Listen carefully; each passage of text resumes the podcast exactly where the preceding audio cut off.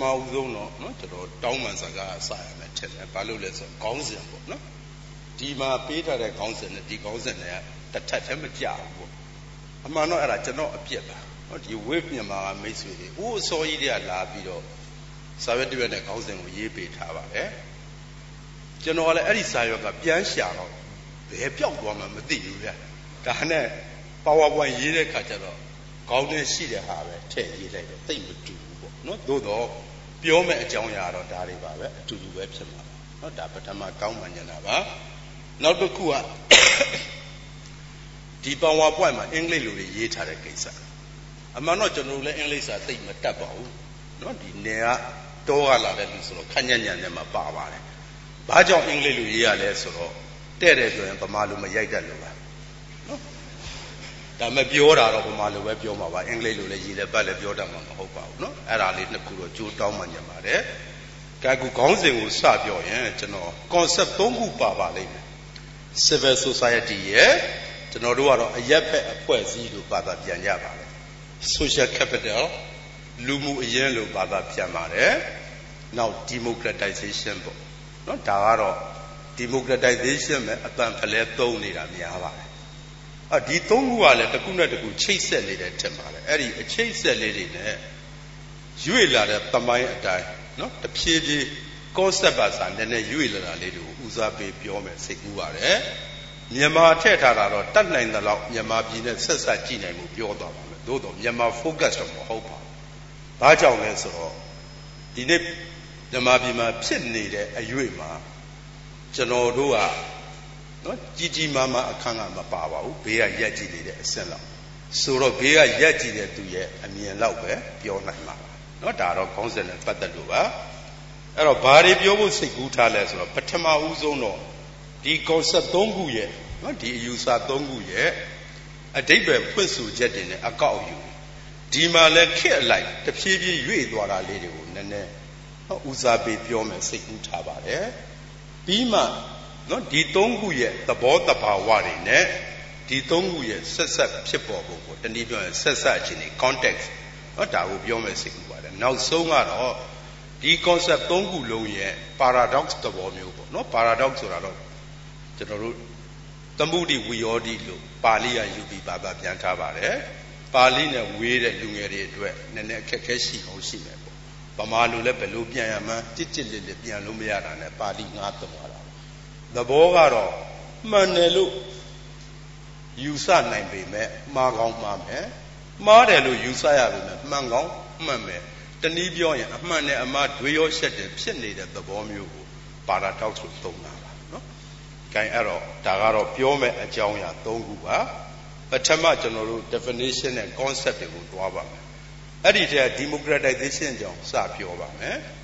ဒါနဲ့ပတ်သက်လို့အဓိပ္ပာယ်ဖွင့်ဆိုချက်တွေစာအုပ်တွေမှာအမျိုးမျိုးရှိပါတယ်။အခုဒီပြောမဲ့စာတမ်းမှာတော့ကျွန်တော်နော် dictionary ဖွင့်ဆိုချက်တွေကိုကြောပြီးတော့နည်းနည်းကြဲကြဲပြန့်ပြန့်ဖြစ်အောင်ဒီ definition ယူထားပါတယ်ဒါကတော့ဘု து ရဲ့ဖွင့်ဆိုချက်လဲဆိုတော့နော်အီတလီနိုင်ငံ Florence တက္ကသိုလ်ကပါမောက္ခရှမစ်တာရဲ့ဖွင့်ဆိုချက်ပါသူကတော့ဘလောက်ကြီးအကျယ်ပြန့်ယူလဲဆိုတော့ non democratic အခြေအနေကနေ democratic အခြေအနေအထိသွားရတဲ့ ဖြစ်စဉ်အရှိကြီးတစ်ခုလုံးကို democratization လို့ယူအဲ့တော့ democratic အခြေအနေဆိုတာလဲဒီမိုကရေစီအရေးအယောင်မြင်ယုံနေမဟုတ်ဘူးခိုင်မာတဲ့ဒီမိုကရေစီတည်ဆောက်ပြီးတဲ့အခြေအနေတိကိုရည်ညွှန်းတာအဲ့တော့ဖြစ်စဉ်ကြီးကအရှိကြီးပါเนาะဒီအရှိကြီးကပိုခြုံမိငုံမိရထက်လို့ဒီ definition ကိုထည့်ထားတာပါတခါယဉ်ကျေးမှုဘက်က culture ဘက်ကเนาะ delay ဘက်ကပြောကြရင် အစင်အလာနိုင်ငံရေး delay ပေါ့ traditional political culture ကနေပြီးတော့ modern democratic political culture ကိုရွေ့ရတဲ့ဖြစ်စဉ်ကြီးเนาะတလို့ပြောလို့ရပါမယ်အဲ့တော့အစင်လာနိုင်ငံရေးတလစ်ဆိုတာဘာလဲဆိုတော့တဲ့တဲ့ပြောမယ်ပရိသေးတလစ်ဘာနဲ့ပေါ်ပြနိုင်လဲဆိုတော့စန့်ကျင်ဘက်နှစ်ခုရှိရင်အချင်းချင်းအပြန်အလှန်ဖယ်ထုတ်ဖို့အာသန်တဲ့ဒလိမျိုးကိုပြောတာသူ့မှာကိုယ်နဲ့စန့်ကျင်ဘက်ကိုဖယ်ထုတ်ဖို့ ကာရှာပဲရှိတယ်ညှိနှိုင်းဆွေးနွေးတာလည်းသိမရှိဘူးပေါ့ဥပမာနော်ကျွန်တော်တို့စီမှာဒီနေ့အထိမိကိုမတိတ်တက်သေးတဲ့ပြည်တွင်းစစ်ဟိုးပြီးခဲ့တဲ့အစိုးရဆက်ဆက်ကလည်းသူ့ရဲ့ရည်မှန်းချက်ကသဘုံအမြင့်ဖြတ်ရေးလက်နက်ကန်အင်အားစုတွေဘက်ကလည်းအစိုးရဖြုတ်ချရေးအပြန်အလှန်ဖယ်ထုတ်ကြတဲ့ဒီအဲ့ဒါ culture သဘောရပြောရင်တော့ traditional political culture ထဲမှာအကျုံးဝင်မှထင်ပါတယ်အဲ့ဒီကနေ ဘယ်ကိုရွေးရမှာလဲဆိုတော့ modern democratic political culture ဆိုတာကတော့စန့်ကျင်ဘက်နှစ်ခုအပြန်အလှန်ဖယ်ထုတ်ကြတာမဟုတ်ဘဲနဲ့အပြိုင်တည်ရှိခွင့်ယူပြီးတော့လူထုအဆုံးပြတ်ကိုခံယူရတဲ့ဒလိမျိုးကိုပြောတာဒီလိုဒလိမျိုးအောက်မှာအပြန်အလှန်ညှိနှိုင်းဆွေးနွေးရတာတွေကြားအဖြစ်ရှာရတာတွေကမလွဲမရှောင်လားကြုံရမယ့်ကိစ္စတွေနော်ဒီ culture မျိုးကိုဥတီသွားနိုင်မှရင့်ကျက်တဲ့ဒီမိုကရေစီကိုရောက်နိုင်ပါလိမ့်မယ်ပြောကြရင်တော့ နော်14ရာစု culture နဲ့21ရာစု culture ဒီသဘောကိုပြောကြရတာကတော့ပြည်သက်ဆက်ပညာရှင်ကြီးပေါ်ကူလီယာနော်သူပေါ်ကူလီယာရဲ့အဆိုရပေါ့ကဘာမှာဆင်းရဲတော့မတက်နိုင်သေးတဲ့လူဦးရေတန်းတထောင်နိုင်ငံပေါင်း58နိုင်ငံရှိပါတယ်အဲ့ဒီနိုင်ငံတွေဟာဒလိအရာကာချာရပြောရင်21ရာစုကို14ရာစုအတွေးခေါ်နဲ့ဖြတ်နေရသေးပါလို့ပြောတာပါ ဒီသဘောလေးကိုပေါ်လွင်စေချင်လို့ဒီပုံလေးနဲ့ကျွန်တော်ထုတ်ထားတာပါအဲ့ဒီတော့ဒီလို culture နှစ်ခုကိုဘာတွေကပေါင်းကူးပေးလဲဆိုတော့တမန်ရာကြည့်ရင် civil society ဆိုတဲ့ဂျားအဖွဲ့တွေအရက်ဖက်အဖွဲ့အစည်းတွေကဒီပေါင်းကူးရေးမှာတော်တော်ထဲထဲဝင်ဝင်အခန်းကပါတယ်လို့ဆိုရှိပါတယ်တခါအဲ့ဒီ civil society တွေစူးစီးမှုအားကောင်းမှုအတွက်ဘယ်ဟာကအဆုံးဖြတ်ပေးလဲဆို social capital ဆိုတဲ့လူမှုအရင်းကအဆုံးဖြတ်ပေးတယ်လို့လဲ နော်ကောက်ချက်တွေရှိပါတယ်ဒါကြောင့်ဒီပုံလေးကိုထုတ်ထားတာအဲ့တော့ democratization လို့ပြောတာရင် non democratic အခြေအနေ democracy မရှိတဲ့အနေအထားက democratic condition democracy ရှိတဲ့အခြေအနေကိုရွေ့ကြတယ်စဉ်းစားတွေးခေါ်တဲ့ delay တွေမှလည်းစန့်ကျင်ဘက်ချင်းဖယ်ထုတ်ကြတယ်အပြန်အလှန်ဖယ်ထုတ်ကြတဲ့အစဉ်အလာကနေစန့်ကျင်ဘက်ချင်းအပြိုင်တီရှိခွင့်ယူပြီးတော့လူလူအဆုံးဖြတ် ခံယူတဲ့ democratic culture ရွေ့ရတဲ့ခရီးစဉ်ကြီးကိုပြောတာပါအဲ့ဒီခရီးစဉ်ကြီးမှာထဲထဲဝင်ဝင်ပါဝင်ကြတဲ့ civil society နဲ့ social capital အကြောင်းကိုနော်ပြောဖို့ရည်ရွယ်ထားပါတယ်ဒါက democratization အဲ့ဒါလေးကိုနည်းနည်းချက်တွေးလိုက်တော့ကဘာပေါ်မှာဒီမိုကရေစီရရှိအောင်ဆောင်ရွက်ကြတဲ့နော်တကဘာလုံးအတိုင်းတာဖြစ်စဉ်ကြီးတွေ၃ခုရှိတယ်လို့အဆိုတစ်ခုရှိပါတယ် ဒီဆိုကိုတင်တာကတော့2008လောက်ကကွယ်သွားတယ်ကွယ်လွန်သွားတယ်ပေါ့နော် Harvard ပါမောက္ခ Samuel Huntington ကဒီအကြောင်းကလည်းကျွန်တော်မကြမကြာပြောဘူးတော့ခက်ချင်းချင်းပဲသွားပါမယ်သူကတော့ကဘာလုံးအတိုင်းတာဒီမိုကရေစီလှုပ်ရှားမှုကြီးတွေကိုလှိုင်းလို့သတ်မှတ်တယ်အဲ့လိုရှေ့တိုးသွားတဲ့လှိုင်းကြီးတွေရှိတယ်တခါဒီလှိုင်းကြီးတွေအဆုံးမတတ်တတ်ခဲ့သေးခင်သို့မဟုတ်အဆုံးမှလည်းအကြောင်းကြောင်းကြောင့်နောက်ပြန်ဆုတ်ရတဲ့လှိုင်းတွေလည်းရှိတယ် ဒါကြောင့်ဒီမိုကရေစီခရီးဟာတောက်လျှောက်ရှေ့ကြည့်သွားတာမဟုတ်ဘူးတခါတလေအစင်မသိရင်နောက်ပြန်ဆုတ်တာတွေလည်းကြုံရတတ်တယ်ဆိုတဲ့သဘောပြောပါရှေ့တိုးတဲ့ line ကို तू က wave လို့ပဲသုံးပါတယ်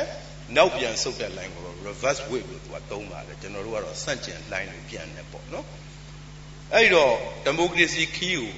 ဘယ်လိုနည်းနဲ့သွားနေလဲဆိုရှေ့တိုးလိုက်နောက်ဆုတ်လိုက်တယ်တနည်းပြောရင် two step forward one step backward ပေါ့ရှေ့တစ်လမ်းတိုးဖို့ရည်နောက်တစ်လမ်းတစ်လမ်းပြန်ဆုတ်ရတဲ့ pattern နဲ့သွားတယ်လို့ तू ကသုံးသပ်တာပါဒီဇယားထဲမှာတော့ကျွန်တော်နောက်ပြန် line တွေကိုထည့်မထားပါဘူးเนาะပါဇက်ကပဲပြောတော့ပါအပထမလှိုင်းတနည်းပြောရင်တကဘာလုံးအတိုင်းတာဒီမိုကရေစီလှုပ်ရှားမှုကြီးအစပြုခဲ့တာဟာနော်ဒီထဲမှာပေါ်ပြထားတဲ့ခုနဲ့လွယ်လွယ်မှတ်ရင်တော့16ရာစုနှောင်းပိုင်းနဲ့20ရာစုဥပိုင်းမှာစပေါ်ခဲ့တယ်ကာလာအဖြစ်ရှည်လို့သူ့ကို လိုင်းရှည်လို့သုံးထားတာဘယ်မှာဗဟိုပြုဖြစ်လဲဆိုတော့အနောက်ဥရောပနဲ့အမေရိကန်ပြည်တော်စုမှာဗဟိုပြုဖြစ်ခဲ့တာအဲ့ဒီလှမ်းကြီးရဲ့ကျေးဇူးကြောင့်ကမ္ဘာမှာပထမအသုတ်ဒီမိုကရေစီနိုင်ငံတွေပေါ်လာခဲ့ပါတယ်သို့တော့ဒီဖြစ်စဉ်ကြီးအဆုံးတတ်ပြီးတဲ့နောက်ပိုင်းမှာအကြောင်းကြောင့်ကြောင့်နောက်ပြန်ဆုတ်တဲ့လှိုင်းတလိုင်းပေါ်တယ်တဲ့ဒီထဲတော့မပါပါဘူးအဲ့ဒါဘာလို့အကြောင်းခံဖြစ်လဲဆိုတော့အဲ့ဒီကာလကရှေ့တန်းရောက်တဲ့နိုင်ငံကြီး၃ခု ဂျာမနီရဲ့အီတလီရဲ့အာရှရဲ့ဂျပန်ဒီမှာနောက်ဆိုဗီယက်ယူနီယံပေါ့၄ခုပေါ့အဲ့ဒီမှာဒီမိုကရေစီနဲ့စန့်ကျင်ဘက်သဘောဆောင်တဲ့နိုင်ငံရေးစနစ်တွေ ideology တွေအပေါ်စီးရလာတယ်ပေါ့ဂျာမနီအီတလီနဲ့ဂျပန်မှာဖက်စစ်စနစ်အပေါ်စီးရသွားတယ်ဆိုဗီယက်ယူနီယံမှာကွန်မြူနစ်စနစ်အပေါ်စီးရဒီဖြစ်စဉ်ကြီးကိုအကြောင်းခံပြီးတော့ဒီမိုကရေစီလှိုင်းလုံးကြီးကနောက်ပြန်ဆုတ်သွားပါတယ်တဲ့ဒါကိုပထမဆန့်ကျင်လိုက်ဒါထားလိုက်တော့အ ကျွန်တော်တို့မြန်မာနိုင်ငံနဲ့ဆက်ဆက်ပြောရင်ပထမလှိုင်းရှည်ကာလကျွန်တော်တို့နဲ့မဆိုင်ပါဘူးဘာလို့လဲဆိုတော့အဲ့ဒီကာလကကျွန်တော်တို့ကရှေ့ပိုင်းကပရိသေစနစ်အောက်မှာပဲနောက်ပိုင်းကကိုလိုနီခေတ်ဦးအဲ့ဒီအချိန်မှာကျွန်တော်တို့နော်လူတို့ရဲ့ညှော်မှန်းချက်တည်းမှာဒီမိုကရေစီတိမရောက်သေးပါဘူးကိုလိုနီခေတ်ဦးအဆင့်လောက်ပဲရှိသေးတယ်အမြင့်ဆုံးကကျွန်တော်တို့ဝန်သားမှုလှုပ်ရှားမှုနဲ့အမျိုးသားရေးလှုပ်ရှားမှုလောက်ပဲရှိသေးတယ်ဒါကြောင့် ပထမလိုင်းကလည်းကျွန်တော်တို့နဲ့သိမဆိုင်ဘူးဒုတိယစန့်နော်ပထမစန့်ကျင်လိုင်းကာလမှာတော့ကျွန်တော်တို့တွေဟာနော်ကျွန်တော်တို့ရဲ့အမျိုးသားရေးလှုပ်ရှားမှုကတော်တော်အရှိန်ရနေပါပြီ1300ပြည့်ကာလအဲ့ဒီအချိန်မှာလဲကျွန်တော်တို့ကဒီမိုကရေစီကို motive force နေနဲ့သွားခဲ့ကြတာတော့မဟုတ်ဘူးနော်ဒီဖြစ်စဉ်ကြီးကိုနောက်ကတွန်းပို့တဲ့ ideology အခမ်းကလက်ဝဲအယူဆတနည်းပြောရင် Marxism ပေါ့ negative လှုပ်ရှားမှုနဲ့1300ပြည့်ကာလဒါကျွန်တော်တို့နဲ့ဆက်ဆက်ပြောတာ ဒုတိယ line ဆိုတာတော့ဒုတိယကပတ်စစ်အပြီးကနေနော်1960နှစ်စစ်အေးတိုက်ပွဲအထွတ်ထိပ်ကာလလောက်အထိပေါ်ခဲ့တဲ့ line ကိုပြောတာပါဘယ်မှာဗဟိုပြုဖြစ်လဲဆိုတော့စစ်ရှုံးသွားတဲ့ဂျာမနီနဲ့ဂျပန်မှာလည်းဖြစ်တယ်တခါလွတ်လပ်ရေးရကာစနိုင်ငံတချို့မှာလည်းဒီမိုကရေစီဘက်ကိုဦးတည်သွားတာရှိတယ်ဒါကိုချုံးပြီးတော့ဒုတိယ line ဒိုလို့ခေါ်တာပါ short wave လို့သုံးထားတာကတော့ ဒီ line ကကာလာအပြင်သိပ်မကြလို့အဲ့ဒီ line ကြီးနော်အဆုံးတက်ခံနေပေါ့1960တဝိုက်အဲ့ဒီမှာကြတော့ဘာဖြစ်လာလဲဆိုစစ်အေးတိုက်ပွဲရဲ့အမြင့်ဆုံးကာလစစ်ဖက်အာဏာသိမ်းမှုတွေအထူးသဖြင့်ကျွန်တော်တို့လိုဖွံ့ဖြိုးဆဲနိုင်ငံတွေမှာအနှံ့ပြားပေါ်လာအဲ့ဒီအာဏာသိမ်းမှုတွေကိုပြန်ကြည့်ရင်အမေရိကန်ဘက်နဲ့သိမ်းတာလည်းရှိတယ်ဆိုဗီယက်ဘက်နဲ့သိမ်းတာလည်းရှိတယ်ဘာပဲပြောပြောသေချာတာကတော့ဒီစစ်ဖက်အာဏာသိမ်းမှုတွေက ရှီပြီးဒီမိုကရေစီကိုဖျက်သိမ်းပစ်လိုက်တယ်ဒါကိုအကြောင်းခံပြီးတော့ဒီမိုကရေစီလှိုင်းကြီးကနောက်ပြန်ဆုတ်ခဲ့ရပါတယ်ကျွန်တော်တို့စီမှာ1958ကစတယ်62မှာပြည်ပြင်းလာတယ်ပေါ့အဲ့တော့ဒီဒုတိယလိုင်းနဲ့ဒုတိယစန့်ကျင်လိုင်းကတော့ကျွန်တော်တို့နဲ့ပတ်သက်ပါပြီဒုတိယလိုင်းရှေ့တိုးလိုင်းမှာကျွန်တော်တို့ကဖတ်ဆပလခေါင်းဆောင်မှုနဲ့ဒီမိုကရေစီနိုင်ရေးစနစ်ကိုလက်တွေ့တည်ဆောက်ကြည့်ခဲ့ပါတယ်သို့တော့ တစ်ဖက်ကပြည်တွင်းစစ်တိုက်နေရတဲ့အောက်မှာမျှော်မှန်းသလောက်ခီးမပေါက်ခဲ့တာလည်းအမှန်ပါအဲ့ဒီထဲမှာမှဒုတိယစန့်ကျင်လိုင်းကာလနဲ့တွေ့တော့ကျွန်တော်တို့ဒီမိုကရေစီကလည်းစောစောစီစီစင်နှစ်တာတာလောက်နဲ့ညီကုန်းချုပ်သွားတယ်ဒါကတော့ကျွန်တော်တို့နဲ့တိုက်ရိုက်ဆိုင်ပါတယ်နောက်ဆုံးတတ်ဝိတတ်ဝိဆိုတာကတော့1984ပေါ်တူဂီနိုင်ငံကစပါတယ်တော်တော်ထူးခြားတဲ့ဖြစ်စဉ်တစ်ခုလို့ပြောနိုင်မှထင်ပါတယ် ပေါ်တူဂီမှာအဲ့ဒီတုန်းကစစ်ဖက်အာဏာသိမ်းမှုတစ်ခုပေါ့ဒါပေမဲ့အရင်စစ်ဖက်အာဏာသိမ်းမှုတွေနဲ့မတူဘူးအရင်အာဏာသိမ်းတာတွေကရှိပြီးသားဒီမိုကရေစီကိုဖျက်ပစ်တာအခုဟာအာဏာသိမ်းကောင်းဆောင်တွေကိုယ်တိုင်ကဒီမိုကရေစီစနစ်ကိုဥတီပြီးထူထောင်သွားခဲ့တာပေါ့နော်ဒါလေးကထူးခြားပါအဲ့လိုနီးနဲ့ပေါ်တူဂီဟာဒီမိုကရေစီနယ်ပယ်ထဲရောက်လာတယ်သူ့နောက်ဘသူတွေလိုက်လာလဲဆိုအိန္ဒိချင်းဥရောပတောင်ပိုင်းကဂရိနဲ့စပိန်လိုက်လာ ဒါနဲ့ရက်မသွားဘဲနဲ့ဘယ်ကူးလဲဆိုတော့လက်တင်အမေရိကစစ်အာဏာရှင်တွေပြုတ်ပြီးဒီမိုကရေစီနယ်ပယ်ထဲရောက်တခါဒီကနေအာရှရောက်ပြီးဖိလစ်ပိုင်မှာ people power ပါညာဖြစ်နောက်တခါအရှေ့ဥရောပရောက်အရှေ့ဥရောပနဲ့လည်းတက်မသွားဘူးအာဖရိကကြည်တောင်ရောက်ပြီးတော့တောင်အာဖရိကမှာဒီမိုကရေစီနယ်ပယ်တဲ့ရောက်သွားတာအဲ့တော့ဒီဖြစ်စဉ်ကြီးကတကဘာလို့လွှမ်းခြုံသွားတဲ့သဘောဒါကြောင့်သူ့ကိုတတ်ဝိလို့ဟန်တန်တန်အနာမည်ပေးခဲ့တာ အဲ့ဒီဖြစ်စဉ်မှာကျွန်တော်တို့ပါပါတယ်ရှစ်လေးလို့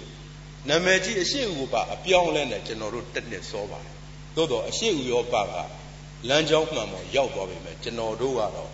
နော်ဒီနေ့အထိကြာသွားတာအားလုံးသိတဲ့အတိုင်းပဲဒါလည်းသူ့အကြောင်းနဲ့သူ့တဖြည်းဖြည်းနဲ့အဲ့ဒါရောက်လာပါလိမ့်မယ်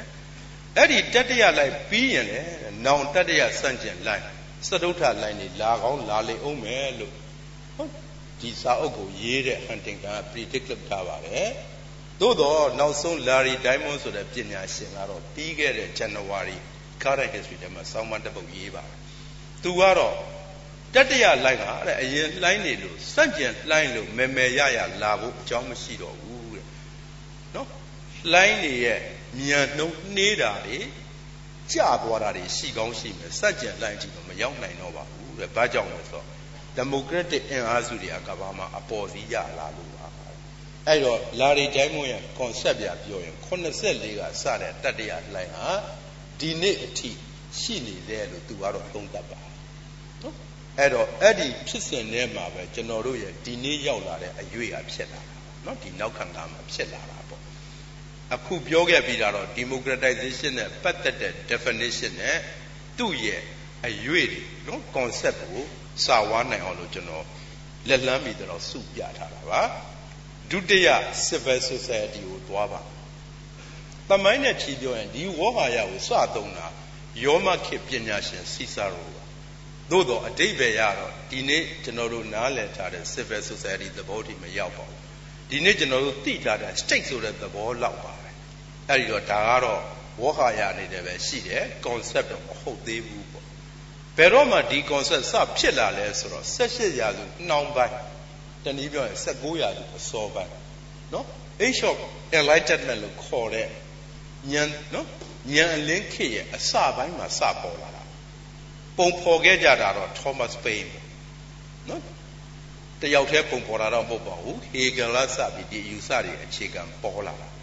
အပေါ်ကာကသူတို့ရဲ့အတိတ်ပဲဖွင့်ဆိုချက်ကတော့ဒီထဲကပြောထားတဲ့အတိုင်းပါ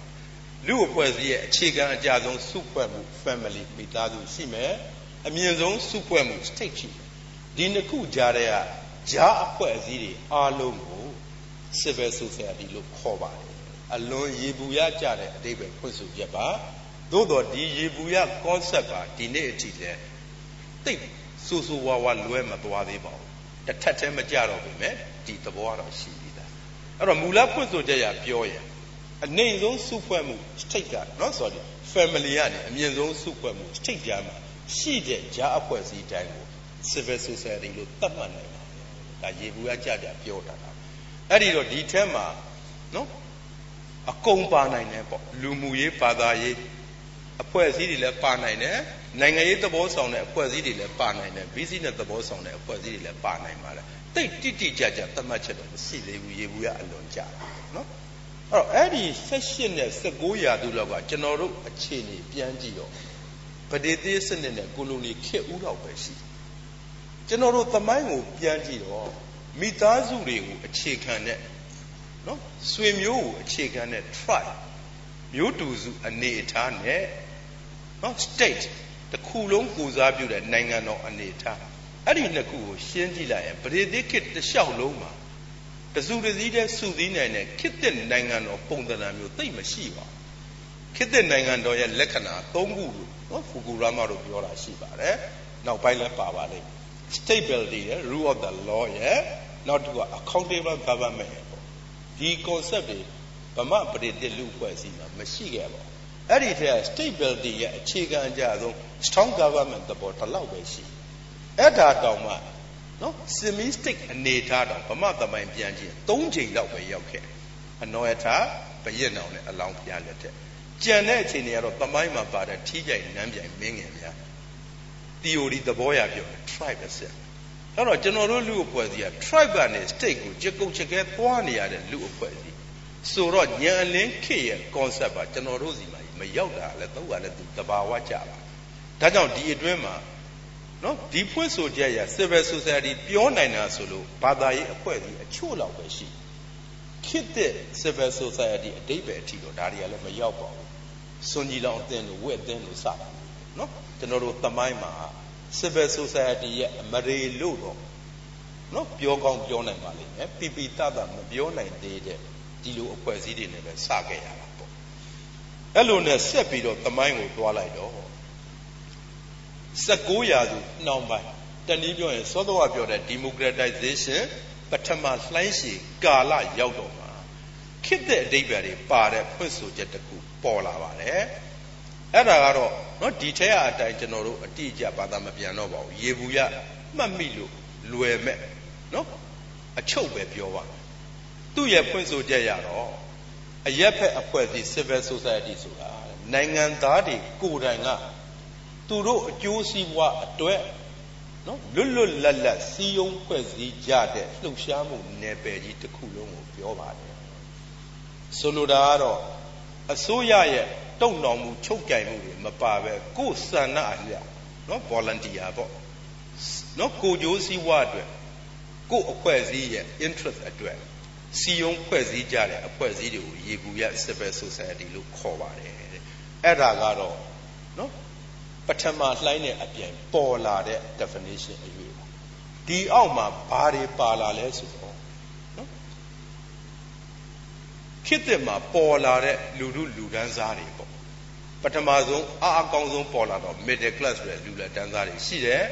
နောက်ပိုင်း19ရာစုနှောင်းပိုင်းနဲ့20ဦးပိုင်းရောက်တော့အလုသမားလူဒန်းစားဆိုတာလေးပေါ်လာတာရှိတယ်သူတို့ကိုယ်တိုင်ကလည်းအစိုးရရဲ့တုံ့နှောင်မှုမခံမဲနဲ့ လွတ်လွတ်လပ်လပ်စီယုံဖွဲ့စည်းလာကြတာတွေရှိတယ်ဒါ civil society အကျုံးဝင်ပါတယ်နောက်ပိုင်းဒီပထမလိုင်းကြီးကိုဥဆောင်ခဲ့တဲ့ motive အင်အားစုကလည်းအဲ့ဒီ civil society တွေများပါတယ်เนาะဒါသမိုင်းမှာတလူဖြစ်ခဲ့တယ်ကျွန်တော်တို့မြန်မာမှာပြန်ကြည့်လိုက်တော့ဒီကာလပထမလိုင်းကာလဟာကိုလိုနီခေတ်ဦးလောက်ပဲရှိတယ်အဖွဲ့အစည်းရပြောရဲလူမှုရေးအဖွဲ့အစည်းတွေတော့ပေါ်လာတယ်သို့တော့ နော်နောက်ပိုင်းမှာတော့အဲ့ဒီလူမှုရေးအဖွဲ့အစည်းတွေကနိုင်ငံရေးသဘောတော်ဆောင်းလာအထင်ရှားဆုံးတပြည်လုံးအတိုင်းတာပထမဆုံးပေါ်တဲ့အဖွဲ့အစည်းကတော့ YMPA အဖွဲ့ကြီးပေါ့ဒါကလည်းမူလပေါ်တော့ကတော့ဘာသာရေးပါနာမည်ကိုကနော်ဗုဒ္ဓဘာသာကလျာဏယူဝအသင်းဆိုတော့ YMCA ကိုနော်အတူယူပြီးဖွဲ့တဲ့အဖွဲ့အစည်းသူ့ရဲ့ကြွေးကြော်တန်ကလည်းအမျိုးဘာသာသာသနာနဲ့ပညာမြင့်တင်ရေးဆိုတာတွားခဲ့တာနိုင်ငံရေးနဲ့တော့တိုက်ရိုက်မဆိုင်ပါဘူး သို့တော့ဒီကြွေးကြော်တန်တဲကိုပဲအမျိုးသားရေးအမရေတွေပါနေတော့တဖြည်းဖြည်းတဘာဝကြကြပဲနိုင်ငံရေးပဲရွေ့လာတယ်အဲ့လိုနဲ့ GCPA အဖြစ်အသွင်ပြောင်းတော့အပိအပြင်းနိုင်ငံရေးအဖွဲ့အစည်းစဖြစ်လာတာ initial political association သဘောတော်ဝင်လာပြီပေါ့နော်အဲ့ဒါကကျွန်တော်တို့ရဲ့ကိုလိုနီခေတ်ဥမှာပေါ်ခဲ့တဲ့အရက်ဖက်အဖွဲ့အစည်းလို့ပြောနိုင်တဲ့အဖွဲ့အစည်းပါနော်နိုင်ငံရေးဘက်တည်တည်လာပါတယ် ဒီလိုနဲ့သမိုင်းကိုဆက်သွားတော့တခါစစ်ပြီးခေတ်ဒုတိယလိုင်းကာလအဲ့ဒီစစ်ပြီးခေတ်ဒုတိယလိုင်းကာလရဲ့နောက်ထပ်ထူးခြားချက်တစ်ခုဒုတိယလိုင်းကြီးနဲ့အပြိုင်အားကောင်းတဲ့နောက်ထပ်လှိုင်းတစ်လိုင်းရှိတယ်အဲ့ဒါဘာလဲဆိုတော့ကွန်မြူနစ်ဝါဒတနည်းပြောရင်လက်ဝဲအယူဆတွေဩဇာကြီးတာဒါလည်းသူအကြောင်းနဲ့သူဒုတိယကမ္ဘာစစ်အတွင်းအမျိုးသားလွတ်မြောက်ရေးလှုပ်ရှားမှုတွေမှာကွန်မြူနစ်တွေကထဲထဲဝင်ဝင်နဲ့တချို့နိုင်ငံစုရှေ့တန်းကပါလာတာလည်းဖြစ်မယ် နောက်တစ်ခုဆိုဗီယက်ယူနီယံနဲ့နောက်ပိုင်းနော်ဒုတိယကမ္ဘာစစ်ပြီးမှတရုတ်အရှေ့ဥရောပအာရှနိုင်ငံတချို့စသဖြင့်ဆိုရှယ်လစ်စက်ဝိုင်းထဲမှာနိုင်ငံတွေများလာလဲတကြောင်ပေါ့ဒီဟာတွေကိုအကြောင်းခံပြီးတော့ဒီမိုကရေစီလှိုင်းကြီးနဲ့အပြိုင်လက်ဝဲလှိုင်းကြီးလည်းပေါ်လာအဲ့ဒီတော့လက်ဝဲဘက်ကပညာရှင်တယောက်ကပြောင်းလဲလာတဲ့အခြေအနေအောက်မှာလက်ဝဲအထိုင်ပေါ်ကနေ civil society ကိုတမျိုးအတိတ်ပဲဖွင့်လာသူကတော့ အန်တိုနီယိုဂရက်စီဆိုတဲ့လက်ဝဲပညာရှင်တယောက်ပါအီတလီကထင်ပါတယ်ကျွန်တော်သိတော့မမှတ်မိနောက်ပိုင်းတော့လက်ဝဲသစ်ဝါဒီအနေနဲ့အလွန်ထင်ရှားသွားတဲ့ပုံကူနော်သူကတော့ဗာပြောလဲဆိုတော့လက်ဝဲထိုင်ပေါ်ကပြောတာအရင်ရှင်စနစ်ကိုဖြုတ်ချတဲ့တော်လန်ရေးမှာအရက်ဖက်အဖွဲ့အစည်းကအမရေပဲเนาะဒီအမျိုးပြောလာအဲ့တော့ဒါလည်း civil society ရဲ့ definition အရွေ့မှာကျွန်တော်တို့ထည့်စဉ်းစား အဲ့ဒီနောက်ခံကဒုတိယကမ္ဘာစစ်အပြီးမှာတော့ကျွန်တော်တို့စီမှာ civil society တွေတော်တော်အားကောင်းပေါင်းတာပေါ်လာပါပြီကာလကလည်းဒီမိုကရေစီနိုင်ငံရေးစနစ်နဲ့တွားနေတဲ့ကာလဆိုတော့တရားဝင်ခွင့်ပြုချက်ရတာလည်းပါတယ်ပေါ့လူတို့လူတန်းစားအဖွဲ့အစည်းတွေလည်းရှိတယ်ကမ္ဘာ့ငြိမ်းချမ်းရေးကွန်ကရက်လို့ပြည်တွင်းငြိမ်းချမ်းရေးအဖွဲ့လို့အဖွဲ့အစည်းတွေလည်းရှိတယ်အစုံပေါ့ကျောင်းသားသမဂ္ဂအလုပ်သမားသမဂ္ဂစသဖြင့်ဒါတွေရှိလာတော်တော်များများကသို့တော် အပြိုင်လှမ်းကြီးနှစ်ခုတည်းကဒီမိုကရေစီလှိုင်းတဲ့လက်ဝဲလိုက်ဩဇာကပုံမြန်တက်ရောက်မှုကြီးခဲ့သလားမသိဘူးပေါ့နော်တလူတော့ရှိခဲ့တယ်သို့တော်ဘာပဲပြောပြောမြမသမိုင်းမှာအရက်ဖက်အဖွဲ့အစည်းတွေအင်းနဲ့အားနဲ့လှုပ်ရှားခွင့်ရလာတဲ့ကာလတစ်ခုရှိခဲ့ပါတယ်အဲ့ဒါကသမိုင်းနဲ့ချီပြောရင်ဒုတိယလိုင်းကာလကျွန်တော်တို့နိုင်ငံသမိုင်းနဲ့ပြောရင်တော့ပါလီမန်ဒီမိုကရေစီခေတ်48ကနေ60နှစ်ထိလို့ရေဘူးရပြောလို့ရပါတယ် ကြားတဲ့58 59အိမ်ဆောင်အစိုးရတော့ချွန်းချက်ပေါ့နော်အဲ့လိုနဲ့အခုတတရလိုင်းကာလရောက်လာတော့ concept ပါတိတိတာကရွေ့သွားတတရလိုက်ရဲ့ထူးခြားချက်ကဒီမိုကရေစီလှိုင်းကြီးပဲပြိုင်ပဲမရှိတက်လာတစ်ချိန်ကစကန်းဝေပြုံကအပြိုင်ရှိခဲ့တဲ့လက်ဝဲလှိုင်းကြီးကသူ့အကြောင်းနဲ့သူပြိုးဆင်းသွားအဲ့ဒီအောက်မှာ civil society ကို definite ဖွင့်ကြတော့လေနော် ဒီမိုကရေစီစနစ်ကိုဥတီတဲ့နော် mass mobilization ပေါ့လူလူအုံကြွမှုတွေလူလူနိုးကြလာမှုတွေလူလူလှုပ်ရှားမှုတွေဒါတွေအားလုံးဟာ civil society တက်မှာအကျုံးဝင်ပါတယ်လို့ဖွက်တာလက်တွေ့ရလဲဒီတိုင်းမှာတတရလိုက်မှုနော်မောင်းခဲ့တဲ့အင်အားစုတွေထဲမှာ civil society တွေကတော်တော်များများပါပါတယ်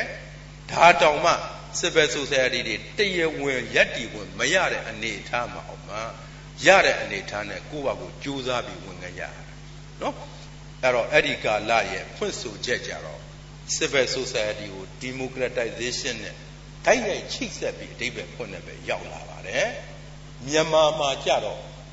ကြားထဲမှာပထမနော်ဖတ်ဆပ်ပလခင့်နဲ့ကျွန်တော်တို့ဒီနေ့ခေတ်ကြားထဲမှာကာလရှည်ကြီးတစ်ခုဖြတ်ခဲ့တာအဲ့ဒါကဈေးကွက်လည်းပျောက်ဒီမိုကရေစီပါလီမန်လည်းပျောက်သွားတဲ့ကာလရှည် ပိုးဆိုးတာ1964မှာအမျိုးသားစီလုံးညီညွတ်ရေးဥပဒေဆိုတာထွက်လာတယ်သူ့ရဲ့အနှစ်ချုပ်ကတော့ပါတီတွေအဖွဲ့အစည်းတွေကွဲနေတာဟာအမျိုးသားစီလုံးညီညွတ်ရေးကိုထိခိုက်တယ်ဒါကြောင့်အားလုံးဖြက်မြန်မာဆိုရှယ်လစ်လမ်းစဉ်ပါတီတစ်ခုပဲတည်ရှိခွင့်ရှိရမယ်ဆိုတဲ့ဥပဒေအဲ့ဒီဥပဒေရဲ့အောက်မှာကျွန်တော်တို့ရဲ့ civil society ကလည်း0လျှော့ကျသွားတာဒါပေမဲ့လူတွေကအခြေအနေမပေးပေမဲ့ပေးသမျှအခြေအနေမှာလုတ်ခဲ့ကြတာလေ တောက်လျှောက်ဆိုသလိုရှိခဲ့ပါတယ်ဒါကြောင့်နော် civil society တွေဟာရေဘူးရအဖြစ်လျှို့ဝှက်လုပ်ကြတဲ့ underground unit တွေဖြစ်ကုန်တယ်အထူးသဖြင့်တော့ကျောင်းသားလူငယ်ဖေးမှာပေါ့တခါအကြောင်းကြောင်းကြောင့်လှုပ်ရှားမှုကြီးတွေပေါ်လာတဲ့ကာလကြမှာသူတို့ဝါးကန်နဲ့ထွက်ရတယ်အဲ့ဒီတော့လဲစနစ်ကျစုစည်းတော့မလုံနိုင်ဘူးပေါ့အဲ့တော့သဘောယာယီသဘောဖွဲ့စည်းရတယ်ဥပမာကျောင်းသားသမဂ္ဂပဲထားပါ ကျောင်းသားသမဂ္ဂဟာတရားဝင်64မှာပြက်သွားပြီမဲ့ underground နေနဲ့ကတော့တလျှောက်လုံးဆိုသလိုရှိတော့ရှိလာပါတယ်ဒီထဲမှာလှုပ်ရှားမှုတွေကြီးပြီးအခြေအနေပေးလာရင်ယာယီသမဂ္ဂဆိုတရားဝင်ပေါ်လာတာလည်းရှိတယ်ဥပမာ88မှာအခု88မျိုးဆက်တွေထူထောင်ခဲ့တဲ့ဘာကသလိုဟာမျိုးပေါ့အဲ့ဒီတော့ underground နဲ့ယာယီသဘောလောက်ရတယ်ဆိုတော့အကန့်အသတ်တွေတော့ရှိမယ်ပေါ့ဒါပေမဲ့ civil society လုံးဝငုတ်သွားတဲ့သဘောတော့မဟုတ်ပါဘူးရှိသလောက်ရှိတယ်သို့တော့အရင်ခေတ်လောက်တော့အာမကောင်းတော့နော်ဒါကတော့ civil society တွေရဲ့အရွေတွေကိုလက်လန်းမိသလောက်ခြေရခံကြည့်တာပါအဲ့ဒီတော့ civil society ကို define လုပ်ဖို့ဆိုရင်နော်အခြေအနေနဲ့ဆက်ဆက်စဉ်းစားဖို့လိုပါလိုမဲ့ချက်ပါကိုတိုင်းပြည်ရဲ့တကယ် reality က non democratic condition ဖြစ်နေတယ် civil society ရဲ့ရည်မှန်းချက်က sub democratization democracy ရရှိရေးအတွက်တွန်းအားအနေနဲ့ပွားကြတာများတယ်အဲ့ဒီအဖွဲ့အစည်းတွေအားလုံးကလည်း civil society တဲ့အကျိုးဝင်ပါသို့တော့ကိုတိုင်းပြည်က democratic condition ရောက်သွားပြီဆိုရင်တော့ sub democracy ရရှိလာတဲ့ရေးရေးလေးပဲဖြစ်အောင်တော့မြင်လာရတဲ့ democracy ကိုပြည်ပြင်းအောင်ခိုင်မာအောင်လုပ်ကြရတဲ့တာဝန်ဖြစ်သွားတယ်နော် တခါကိုလုကလန်အနေထားလည်းရှိတယ် non democratic လည်းမဟုတ်ဘူး democratic လို့ပြည်ပြည်ပြင်းပြင်းလည်းပြောလို့မရသေးတဲ့ transition ကာလဒီကာလမှာတော့ civil society တွေဟာတစ်ဖက်ကမပြည်ပြင်းသေးတဲ့ democratization ကိုအကျိုးပြုရတယ်လို့တစ်ဖက်ကပေါ်ကားသဖြစ်လာတဲ့ democracy ကိုပိုအားကောင်းအောင်ပိုခိုင်မာအောင်လုပ်ရတဲ့တာဝန်တွေလည်းရှိပါတယ်အဲ့တော့ပြောကြရင် civil society တစ်ခုကိုအကဲဖြတ်ရင် နောက်ွယ်ရ reality နဲ့ဆက်ဆက်အကဲဖြတ်တဲ့နော်အစင်လာပညာရှင်လောကမှာရှိခဲ့ပါတယ်အဲ့ဒီအစင်လာလေးကိုစုံမိကြိုင်ပြီးဖြစ်လေမလားဆိုပြီးကျွန်တော်ဒါလေးကိုထည့်ပြောတာပါနော်တခါဆက်သွားပါဦးမယ်ကောင်းပြီဒါဖြစ်ရင် civil society တစ်ခုပြီးပြီးတတဖြစ်ဖို့ဘယ်လိုအခန်းကဏ္ဍတွေဘယ်လိုအစိတ်ပိုင်းတွေလိုမလဲသုံးခုဒါလည်း Francis Fukuyama ရဲ့ဖွင့်ဆိုချက်ပါနော် သူကသုံးခုရှိရမယ်တဲ့တစ် civil society တစ်ခုဖြစ်ဖို့ common interest တူညီတဲ့အကျိုးစီးပွားရှိရမယ်ဒါတစ်ချက်နံပါတ်1ကနော်အပြန်အလှန်အဆက်ဆက်ရှိရတယ်နော် reciprocity ပေါ့သူကအပြန်အလှန်ဆက်ဆက်နေရမယ်အဲမြင်းတစည်းဓာတ်တက်လက်နဲ့ထင်ရရမ်းတာမျိုးလူတစ်ယောက်တည်းထင်ရရမ်းတာမျိုးကဒါ civil society မဟုတ်ဘူးပေါ့အပြန်အလှန်ဆက်ဆက်မှုရှိရတယ်နောက်အရေးကြီးဆုံး trust ယုံကြည်မှုရှိရတယ် ယုံကြည်မှုကိုနောက်ပိုင်းပညာရှင်တွေက radius ဆိုတဲ့သင်္ချာစကားလုံးနဲ့တွဲသုံးတာရှိပါတယ်တိုက်ရိုက်ပြန်မယ်ဆိုတော့ radius of trust ယုံကြည်မှုအချင်းဝက်ပြောချင်တဲ့သဘောကတော့အချင်းဝက်ကျဲရင်စက်ဝမ်းကျဲကျဲဝိုင်းရအချင်းဝက်ကြည့်ရင်စက်ဝိုင်းကျင်းကျင်းပဲရအချင်းဝက်ကိုမရှိရင်စက်ဝိုင်းကိုမဖြစ်ဘူးအဆက်ပဲဖြစ်တယ်အဲ့လိုပဲယုံကြည်မှုကြဲကြဲပြတ်ပြတ်ထားနိုင်ရင်လှုပ်ရှားဝင်ကျင်းတယ်ယုံကြည်မှုအချင်းဝက်တူတယ်ဆိုရင်တော့လှုပ်ရှားဝင်ကျင်းလေ ယုံကြည်မှုမရှိရင်ဘာမှဖြစ်မှာမဟုတ်ဘူးဆိုတဲ့သဘောဒါကိုပြောတာဒါကြောင့်အဖွဲ့အစည်းတစ်ခုလှုပ်ရှားနိုင်မှုဆိုရင်ယုံကြည်မှုတော့ရှိဖို့လိုတယ်တခါယုံကြည်မှုကိုလည်းနှစ်ခုထပ်ခွဲနိုင်တယ် positive and negative positive ဆိုတာကလူအဖွဲ့အစည်းကောင်းရကောင်းကြောင်းအတွက်ဥတည်ရဲ့အပေါင်းလက္ခဏာသဘောဆောင်တဲ့ယုံကြည်မှုစန့်ကျင်ဘက်ကိုဥတည်တော့အနှုတ်လက္ခဏာသဘောဆောင်တာအဲ့ဒီတော့ trust ဆိုတဲ့နေရာတောင်ခွဲပြောဖို့လိုပါတယ် civil society ဖြစ်ဖို့ဆိုရင် ယုံကြည်မှုအချင်းဝက်ရှည်ဖို့လိုတယ်အဲ့ဒီယုံကြည်မှုဟာ positive အပေါင်းလက္ခဏာသဘောဆောင်ဖို့လိုပါတယ်ဘာလို့တလို့ပြောရလဲဆိုတော့ trust အားကောင်းပေမဲ့ positive မဖြစ်တာတွေအများကြီးဥပမာဒီနေ့ al qaeda သူတို့အချင်းချင်းယုံကြည်မှုတိတ်ရှိတယ်ဘယ်လောက်ယုံလဲဆိုအသက်တောင်မနှမျောဘူးနော် suicide ဟိုကိုကိုကိုအသေးခံပြီးတော့ယုံတာတွေရှိတယ်အဲ့တော့ယုံကြည်မှုတော့မြင့်တယ်သို့တော့ तू က လူအဖွဲ့အစည်းကိုကောင်းရကောင်းကြောင်းဆွဲခေါ်သွားဖို့မဟုတ်ဘူးအချမ်းဖက်ဝါဒတွေတွဲခေါ်တယ်အလားတူဟိုတော့အမေရိကန်ပြည်တော်စုမှာပေါ်ဘူးတဲ့ပြည်တွင်းစစ်နောက်ပိုင်းပေါ်ဘူးတဲ့ကုကလပ်ကလန်ကို K3 လုံးအဖွဲ့နော်ဒါတွေက negative radius ဆိုတာအဲ့တော့တကယ် civil society ဖြစ်ဖို့က trust လို့လဲဆိုမှ trust တက်မဟုတ်ပါဘူး positive ဖြစ်ရမယ် radius ရှိဖို့လိုတယ်ဒီသုံးခုရှိမှ civil society လို့ပြောနိုင်ပါတယ် concept တွေကိုဆက်ပါအောင်မယ် social capital ဟုတ်ပြီ civil society လို့အစုအဝေးတွေဒီလိုအစုဝေးတွေရက်တည်နိုင်ဖို့ကအားကောင်းတဲ့ကော်တစ်ခုလို့ကော်မရှိရင်စုစည်းလို့ရမှာလို့အဲ့ဒီကော်ဟာဘာလဲဆိုတော့ပညာရှင်တွေရဲ့တွေ့ရှိချက်ဟာ social capital ဆိုတဲ့လူမှုအရင်းပါသူ့ရဲ့အဓိပ္ပာယ်ဖွင့်ဆိုချက်ကိုရေဘူးရပြောကြတယ်အဖွဲ့အစည်းတစ်ခုရဲ့အဖွဲ့ဝင်တွေကြားမှာပူးပေါင်းဆောင်ရွက်ရေးလုပ်နိုင်ဖို့အတွက် မျှဝေလက်ခံထားတဲ့သို့တော့တရားဝင်ပြဋ္ဌာန်းထားတာလည်းမဟုတ်တဲ့နှုံးဆန်တန်ဖိုးတွေနော်ထပ်ပြောရင်အဖွဲ့အစည်းတစ်ခုရဲ့အဖွဲ့ဝင်တွေကြားမှာပူးပေါင်းဆောင်ရွက်ရေးကိုအလုပ်ဖြစ်စေတဲ့နော်သို့တော့တရားဝင်လည်းမဟုတ်တဲ့ formal မဟုတ်တဲ့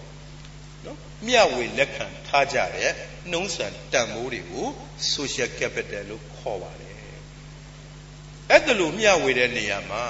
လက်တွေ့အပြုအမူရမျှဝေတာမျိုးလည်းရှိတယ်နော်ဒီနှုံးဆန်နေနဲ့လက်တွေ့မျှဝေလောက်ကြပြီဆိုတော့အစိုးနော် civil society ဆိုတဲ့အဖွဲ့အစည်း PPP တွေဖြစ်လာအဲ့လိုကာယကံမြောက်လောက်ဟန်ရမပူးပေါင်းနိုင်တော့အမြင်ရ attitude ရပူးပေါင်းတာတွေလည်းရှိတယ်အထူးသဖြင့် IT ပေါ်ပြီးတဲ့နောက်ပိုင်းမှာဒါတွေတော်တော်ခေတ်စားလာဥပမာ internet မှာလူချင်းမတွေ့ဘူးပဲချိတ်ဆက်တာတွေအမြင်တူလို့စုကြတာပဲ အဲ့လိုနဲ့ပုံတံတစ် civil society လည်းပေါ်လာတယ်နော် social capital ဟာ online ရောက်ပြီးတော့ပေါ့အဲ့ဒါကို virtual civil society လို့ခေါ်ကြတာလည်းရှိတယ်ပေါ့ online မှာချိတ်ဆက်ပြီးတော့ကိုယ့်ဘာမှာအသေးအဖြစ်ဖြစ်တယ်တယောက်နဲ့တယောက်မြင်ဘူးလည်းမမြင်ဘူးတွေ့လည်းမတွေ့ဘူးသို့တော့နှလုံးသားချင်းနီးတယ်ဆိုတဲ့သဘောမျိုးပေါ့နော်ဒါမျိုးတွေလည်းရှိပါတယ်အဲ့ဒါကတော့လူငယ်တွေပိုးသိပါတယ်အာရຫນွေဦးကကလေးတွေဗမာပြည်ကလူတွေဘယ်သိမလဲ ဗမာပြည်ကလူတွေလည်းဒီအာရတွေပဲသိပြီသို့တော့သူတို့အချင်းချင်းနော်နှလုံးသားချင်းဆက်ဆံတဲ့အဆက်အဆက်တွေ online မှာရှားကြည့်တွေ့နိုင်ပါဒီသဘောကိုပြောတာလားအဲ့တော့ဒါက social capital သဘောပါအဲ့တော့ social capital ကဘယ်အခြေခံပေါ်မှာအားကောင်းလဲဆိုတာစမ်းစစ်နိုင်မှုကျွန်တော်ပုံလေးတစ်ခုထုတ်ထားပါတယ်ဒီပုံက Francis Fukuyama ရဲ့နော် Great Disruption ဆိုတဲ့စာအုပ်ထဲကထုတ်ထားတာသူက လူအဖွဲ့အစည်းတွေကတိုးတက်ဖြစ်ထွန်းမှုနှုံးဆန်တွေဘက်က norm တွေဘက်ကလည်းခြေရခံကြည့်တယ် order အစီအစဉ်တွေဘက်ကလည်းခြေရခံကြည့် down light particle မြင်ကြည့်ပါမယ်သူကနှုံးဆန်တယ်နှုံးဆန်တွေကပုံစံနှစ်မျိုးနဲ့ပေါ့တစ်ခုကစင်ကျင်တုံတရားနဲ့ပေါ့ rational နော်စင်ကျင်တုံတရားကိုအခြေခံပြီးနှုံးနေဆန်နေသတ်မှတ်ကြတာရှိတချို့ကလည်းစင်ကျင်တုံတရားနဲ့မဆိုင်ဘူးအစင်လာရိုးရာရသူ့ဘာသူဖြစ်လာတာ irrational ပေါ့ စင်ကျင်တုံတရားနဲ့မဆိုင်ပဲပေါ်တာလည်းရှိတောင်းလိုက်မြင်ကဒါကိုပြတာပါအပေါ်ရောက်လေစင်ကျင်တုံတရားကဲလေအောက်ရောက်လေသူ့သဘောသူဆောင်တဲ့စင်ကျင်တုံတရားနဲ့ဝေးလေပေါ့နော်ဒီလိုယူလို့ရတာအလျားလိုက်ကတော့ order တွေရဲ့အစီအစဉ် order တွေမှာလည်းထက်အောက်ဖွဲ့စည်းပုံတွေကတရားဝင်ပြဋ္ဌာန်းထားတာတွေရှိတယ်ညာနော်ဘယ်ဘက်တချို့ဟာတွေကအဲ့လိုမဟုတ် spontaneous ပဲသူ့အလိုလိုပေါ်လာတဲ့ဟာ ဘယ်အစိုးရမှဖန်တီးပေးတာမဟုတ်ဘယ်သာသနာပိုင်ကမှဖန်တီးတာမဟုတ်သူ့ဘာသူဒလိရပေါ်လာဒါတွေက spontaneous spontaneous generated ပေါ့နော်အလိုလိုပေါ်လာရင်ရှိဘယ်ဘက်နီးလေထက်အောက်ဖွဲ့စည်းပုံနဲ့ဆိုင်တဲ့ formal ဖြစ်လေညာဘက်နီးလေ spontaneous သဘောဆောင်တဲ့ informal ဖြစ်လေပေါ့နော်တကယ်အဲ့လိုလေးစိတ်ခွဲလိုက်တော့ပထမဦးဆုံးအကွက်ကိုကြည်လိုက်ထိတ်ဆုံးကအပေါ်ထိတ်ဆုံးကဘယ်ဘက်အကွက်ကြည်လိုက် သူကထက်အောက်ဖွဲ့စည်းပုံတွေကလာတယ်တရားဝင်ပြဋ္ဌာန်းထားတယ်တစ်ဖက်ကစင်ကျင်တုံတရားနဲ့လည်းရှင်းဖြစ်တယ်အဲ့ဒီနယ်ပယ်ထဲမှာအကျုံးဝင်မှာတဲ့ဘာသာရပ်ကတော့ political science ပါဒါနိုင်ငံရေးသိပ္ပံဘာသာရပ်ကဒီတဲ့အကျုံးဝင်ပါတယ်တခါ Russian နဲ့စင်ကျင်တုံတရားကတော့လာတယ်သို့တော့စံတွေကနော် order တွေကအထက်ကချမှတ်ပေးတာတော့မဟုတ်ဘူးသူ့ဘာသူအလိုလိုပေါ်လာတာ အတွေ့အကြုံတွေကထွက်လာတာနော်ဥပမာပြောလို့ရှိရင်ဈေးကွက်မှာရှိတဲ့ supply နဲ့ demand ကမမြင်ရတဲ့လက်ဆိုတဲ့ supply နဲ့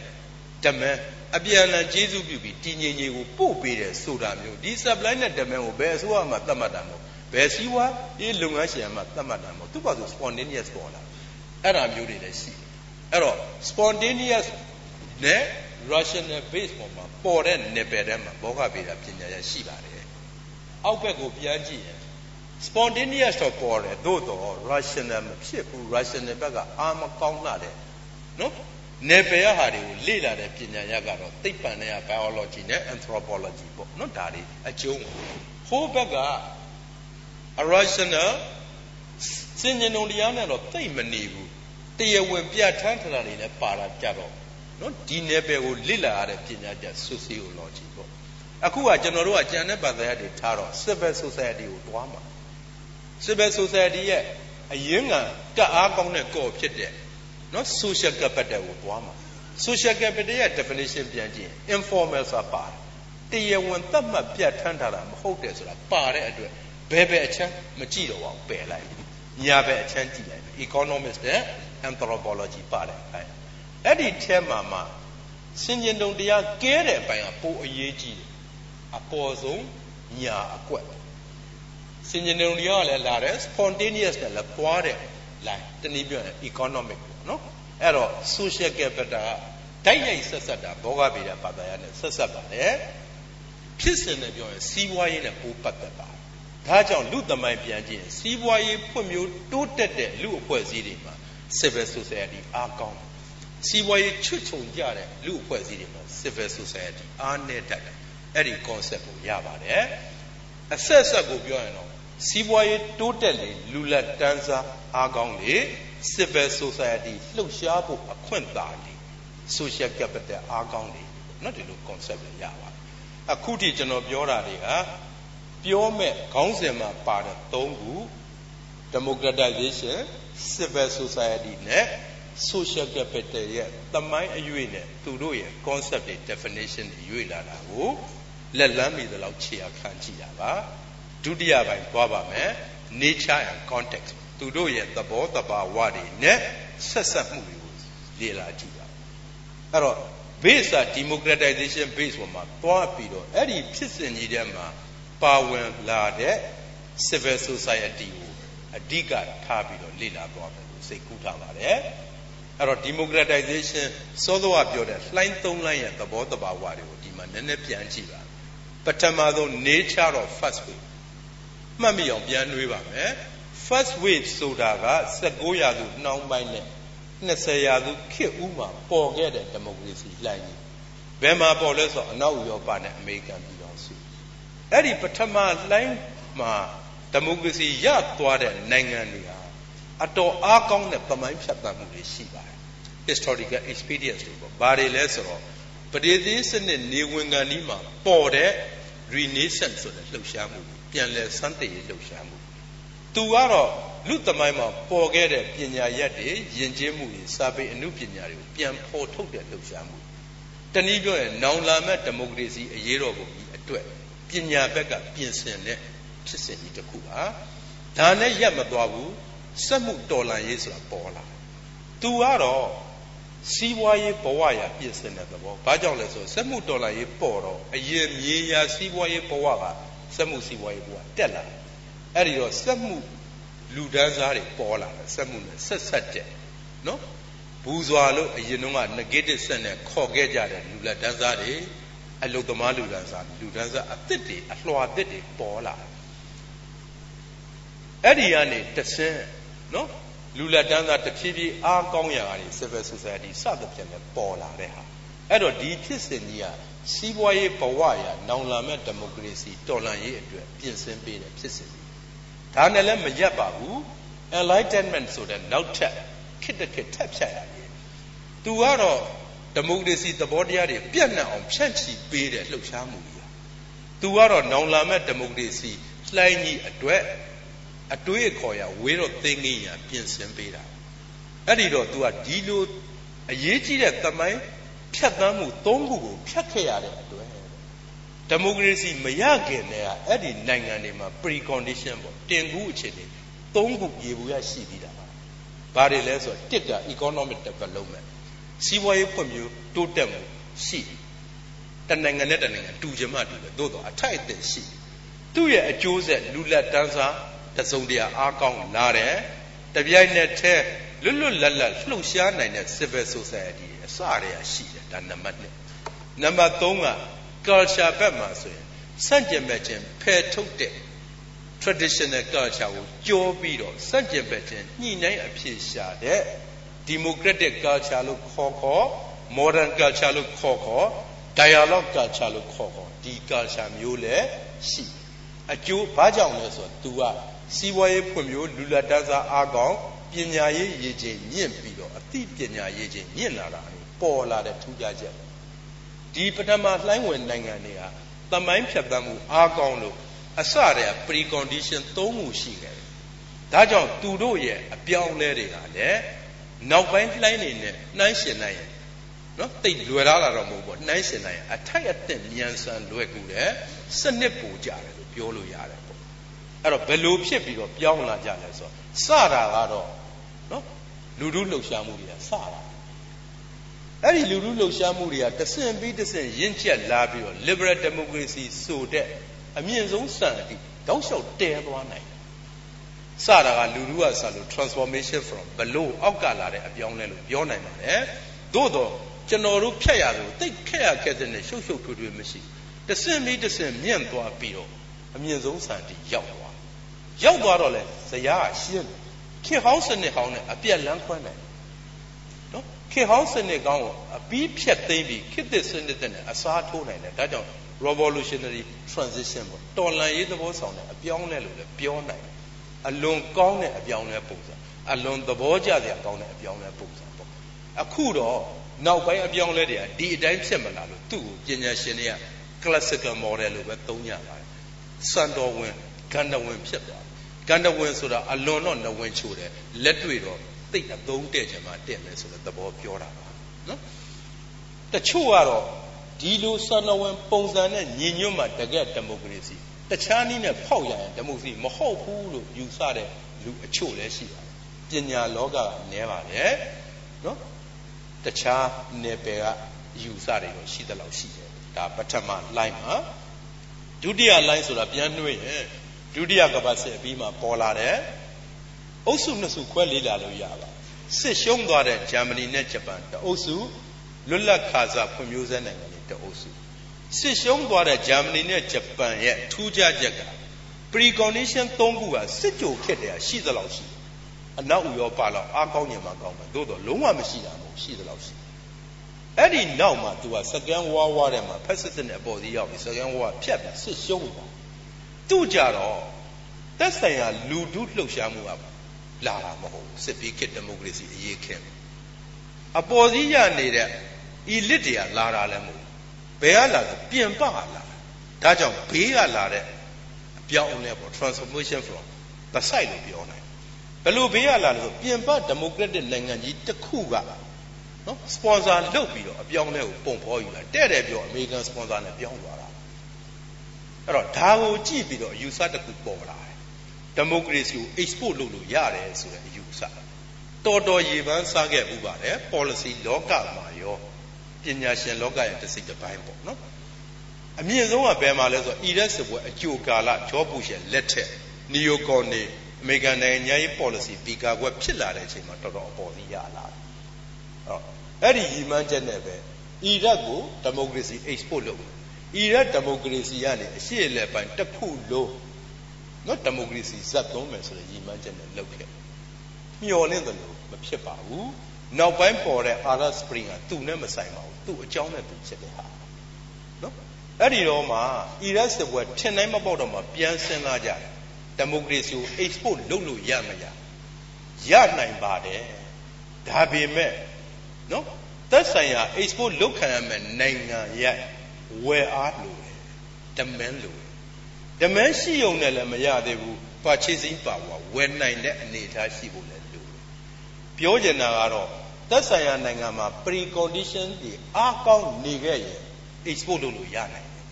ဂျာမနီနဲ့ဂျပန်ရသွားတာ pre condition အားကောင်း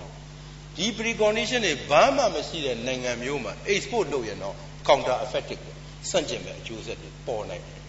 ဒီ concept ကပေါ်လာပြီးတော့ ဒီအယူဆဘေးကလာတဲ့အပြောင်းလဲဟာ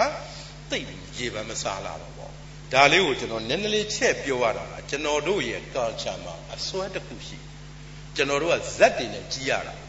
ဗမာရိုးရဇက်ပွဲတွေကြည့်ရင်မင်းသားငိုချင်းချမင်းသမီးငိုချင်းချဇက်နာအောင်ပတော်ပြကိစ္စမရှိဘူးဘလောက်ဇက်နာနာဇက်သိန်းကန်ဒီတရားမင်းဆင့်လာရင် okay တော့တာအဲ့တော့ကျွန်တော်တို့မှာတရားမင်းမြော်ဝါဒရှိတာကျွန်တော်တို့လူငယ်ဘဝကတရားမင်းကတရုတ်ကြီးပါ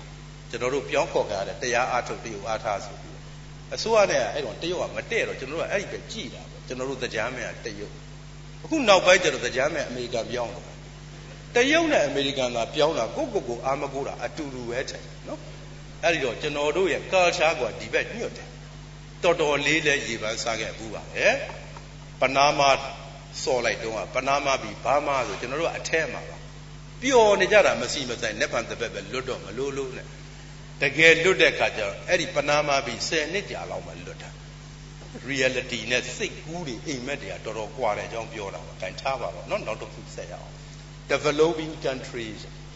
လွတ်လပ်ခါစားနိုင်ငံတော်တော်များများလဲဒီမိုကရေစီပဲရောက်တော့ပါသို့တော့ condition က first line နဲ့မတူဘူး first line မှာဖြတ်ခဲ့တဲ့တမိုင်းအတွေ့အကြုံကျွန်တော်တို့မရှိဘူးကျွန်တော်တို့စီမှာညံတစ်လောင်းအရေးတော်ကိုမပေါ်ဘူး ကျွန်တော်တို့စီမှာစက်မှုတော်လိုင်းရမရှိဘူးစက်မှုတော်လိုင်းရမွေးရမယ်မဖြစ်ခဲ့ဘူးเนาะညံလင်းဖြစ်လဲကျွန်တော်တို့မဖြတ်ခဲ့ရကျွန်တော်တို့လွှမ်းငယ်တာငကနီခစ်တယ်ဒီနေ့ဒီလက်ဝဲစာပေပဲအပေါ်စီးရခဲ့အငကနီနဲ့ခစ်ပြိုင်ပေါ်ခဲ့တဲ့ Frederick Harris နောက်ပိုင်းဘောဂဗေဒနိုဘယ်ဆုရဘောဂဗေဒပြည်ချက်သူ့ရဲ့စာအုပ်တုပ်ရှိတယ်သိကောင်းတယ်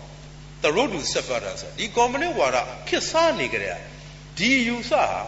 တစ်ချိန်မှာကြာဆုံးမှာပဲဆိုပြီးတော့ဘက်ဆုံးမှာဘောဂဗေဒစိုက်ကရော ဒသနစိုက်ကရောနိုင်ငံရေးသိပ္ပံစိုက်ကရောဘက်ဆုံးဝေဖန်တာအပေါ်သားကွန်မြူနစ်စာအုပ်မဟုတ်ဘူးဒီစာအုပ်ကငကနီနဲ့အပြိုင်ထွက်တာအခုထိကျွန်တော်တို့ဒီမှာဘာသာပြန်မရှိဘူးပြောကြတာကျွန်တော်တို့အဲ့လိုတစ်ဖက်သက်လွှမ်းခဲ့ကျွန်တော်တို့ကြုံခဲ့တဲ့ညံလင်းခစ်ကလက်ဝဲလှိုင်းနဲ့လာတဲ့ညံလင်းလို့ပြောရမှာဥအောင်မလို့ဒီမိုကရေစီဖြန့်ချီတဲ့ညံလင်းခစ်ကျွန်တော်တို့မရှိအခုအခြေအနေရရည်သီးချောင်းကြီးကပြောင်းလာမှ ဈေးကွက်ဆိုတာဘာဒီမိုကရေစီဆိုတာဘာရှာတရားရလုပ်နေရတဲ့အဆင့်စီသေးတယ်တော်တော်กว่า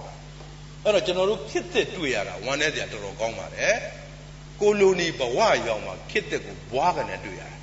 အရင်ကတော့ကိုယ့်ဟာကိုယ် okay နဲ့ကိုယ်ဝလုံးသားအောင်တယ်နော်မဟာပြမေရှာကလေးပါညာဆိုဘယင်တွေကလည်းဘဝင်းမြင်နေကြတာ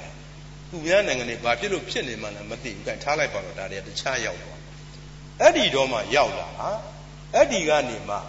အမျိုးသားလွတ်မြောက်ရေးလှုပ်ရှားမှုတွေဖြတ်ရင်းနဲ့လွတ်လပ်ရေးရတာတမိုင်းအတွေ့အကြုံကကွာတယ်အဲ့ဒီတော့ကျွန်တော်တို့မှာ pre condition တွေပထမ line နိုင်ငံတွေမှာရှိတဲ့ pre condition တွေကမရှိရများရှိခဲ့ရင်လည်းတော်တော်အားနည်းတယ်အားနဲ့မှာပေါ့ဘယ်တော့မှပေါ်လဲဆိုကိုလိုနီစနစ်အောက်မှာပေါ့ပေါ်လာတော့လဲကိုလိုနီစနစ်ရောက်တော့ပထမဆုံးကျွန်တော်တို့မိတ်ဆက်ပေးခံရတာပါလီမန်ဒီမိုကရေစီဒီနေ့ဒီလူကြိုင်များတဲ့ပါလီမန်ဒီမိုကရေစီဒါပေမဲ့ကျွန်တော်တို့ခရုံးမတွေ့ အဲ့ဒါလည်းသဘာဝကြတယ်ယူလာတာအကိုတိုင်းပြည်ကျွံလို့တဲ့ကောင်ကယူလာယူတဲ့ကောင်ကိုယ်တိုင်လည်းစေတနာမမှန်ဘူးအင်္ဂလန်မှာကျင့်သုံးသလိုမဟုတ်ဘယင်ကားတစ်စက်ပုံဖြတ်ထားတဲ့ဒီမိုကရေစီအဲ့ကျွန်တော်တို့မကြိုက်ကျွန်တော်တို့ကဘာသွားညှိလဲကျွန်တော်တို့ logic ရကြိုက်တာနော်အင်္ဂလိပ်ကိုစော်တဲ့ကောင်ရန်သူရဲ့ရန်သူကဒိုးမိတ်ဆွေပဲဆိုတော့ logic လည်းပါတယ်ကျွန်တော်တို့ delay ကိုကလည်းတစ်မျိုးခံရရှိရင်တွန်းတူးခံမယ်မခံနိုင်ရင်ဒုတ်တပြက်ဓာတ်ပြက်စော်မယ်ဒီအစွန်းနှစ်ခုကြာမှာပြေးနေတာကျွန်တော်တို့ political culture အဲ့ဒါနဲ့လည်းကြိုက်တယ်ကျွန်တော်တို့ကိုလိုနီခေတ်ဦးမှာပထမဆုံးကျွန်တော်တို့အာယုံညွတ်တာဒီနေ့တကဘာလုံးတောထုတ်နေတဲ့ terrorism နော်အဲ့ဒီတုန်းကကျွန်တော်တို့ရဲ့ role model တွေကဘာတွေလဲဆိုတော့အိုင်ယာလန်တပုံတွေ Michael Collins လို့နော်အလိုလာတာနော်ဒုတိယကမ္ဘာစစ်မှာတကဘာလုံးဝိုင်းတိုက်တဲ့ fascism နဲ့ကျွန်တော်တို့ကကြိုက်သေးတယ်ကြိုက်ဖူးတယ်သူလည်းဟစ်တလာအင်္ဂလိပ်တိုက်တယ်ဆိုတော့ကိုမိတ်ဆွေထင်တယ် အဲ့ဒီတော့ဘလောက်များရည်ရကောင်းလို့ဆိုတော့ဒီဟစ်တလာပဲစက်ကြံမဲ့ဝင်သားသလိုလို့နော်ဒါတွေလည်းရှိသေးတယ်နောက်ဆုံးဒီမိုကရေစီချန်ပီယံလို့ပြောနိုင်တဲ့ဝင်းကြီးချုပ်ဦးနုကိုတိုင်အင်္ဂလိပ်ထောင်နဲ့အကျဉ်းသားဘဝနေတော့ဟစ်တလာနှက်ခမ်းငွေထားဘူးတယ်လို့ကြားဘူးတယ်သူအားကြလို့ပေါ့နောက်အာနာရှင်ဆိုတဲ့သကလုံးဒီခေတ်လူတွေကယုံကြောက်ကြီးဟိုတော့အတော်ကြိုက်1300ပြည့်အရေးတော်ပုံတော့အကျောင်းသားကောင်းဆောင်ကိုလက်ရှူအာနာရှင်လှရွှေတို့တမြတ်တနူးခေါ်တာကြိုက်ခေါ်တာ တချင်းတော်ရှိသေးတဲ့အာနာရှင်ဆိုတဲ့တချင်းအဲ့တော့ကျွန်တော်တို့ concept တွေအဲ့လိုဖြစ်ခဲ့တာမတူဘူးအဲ့ဒီတော့ precondition တွေကကိုလိုနီစနစ်မှာသူပေးသလောက်ပဲရှိတော့တော်တော်အားနေပါတချို့ဆိုရှိကိုမရှိအဲ့ဒီတော့အပြောင်းလဲလုတ်တော့မယ်ဆိုတော့ဘယ်သူဥဆောင်လဲဆိုတော့လူထုကမလုံးနိုင်ပါဘူးစစ်တမ်းခံရတာလဲပါတယ်ဒီမိုကရေစီနော်ဒီမိုကရက်တစ် idea နဲ့ဝေးတာလဲပါတော့ပါ elite တွေကတော့ခေါင်းဆောင် ပါ elite ကိုလည်းကျွန်တော်တို့အရင်ကတော့လက်ဝဲဘက်ကပြန်တာကလူမလိုင်းရေပေါ်စီတို့ပြန်တယ် negative ဆက်နေပဲပြန်တယ်မဟုတ်ဘူးထင်ပါတယ် elite ဆိုတာအကြောင်းနော်ဘယ်ဟာပဲဖြစ်ဖြစ်တစ်ခုခုနဲ့သူများနဲ့ခေါင်းတစ်လုံးညက်တာပေါ့ဥပမာ business elite ရှိမယ် business ရစီးပွားရေးရသူများနဲ့ခေါင်းတစ်လုံးညက်တာငွေကြောင့်ဖြစ်ချင်လည်းဖြစ်မယ်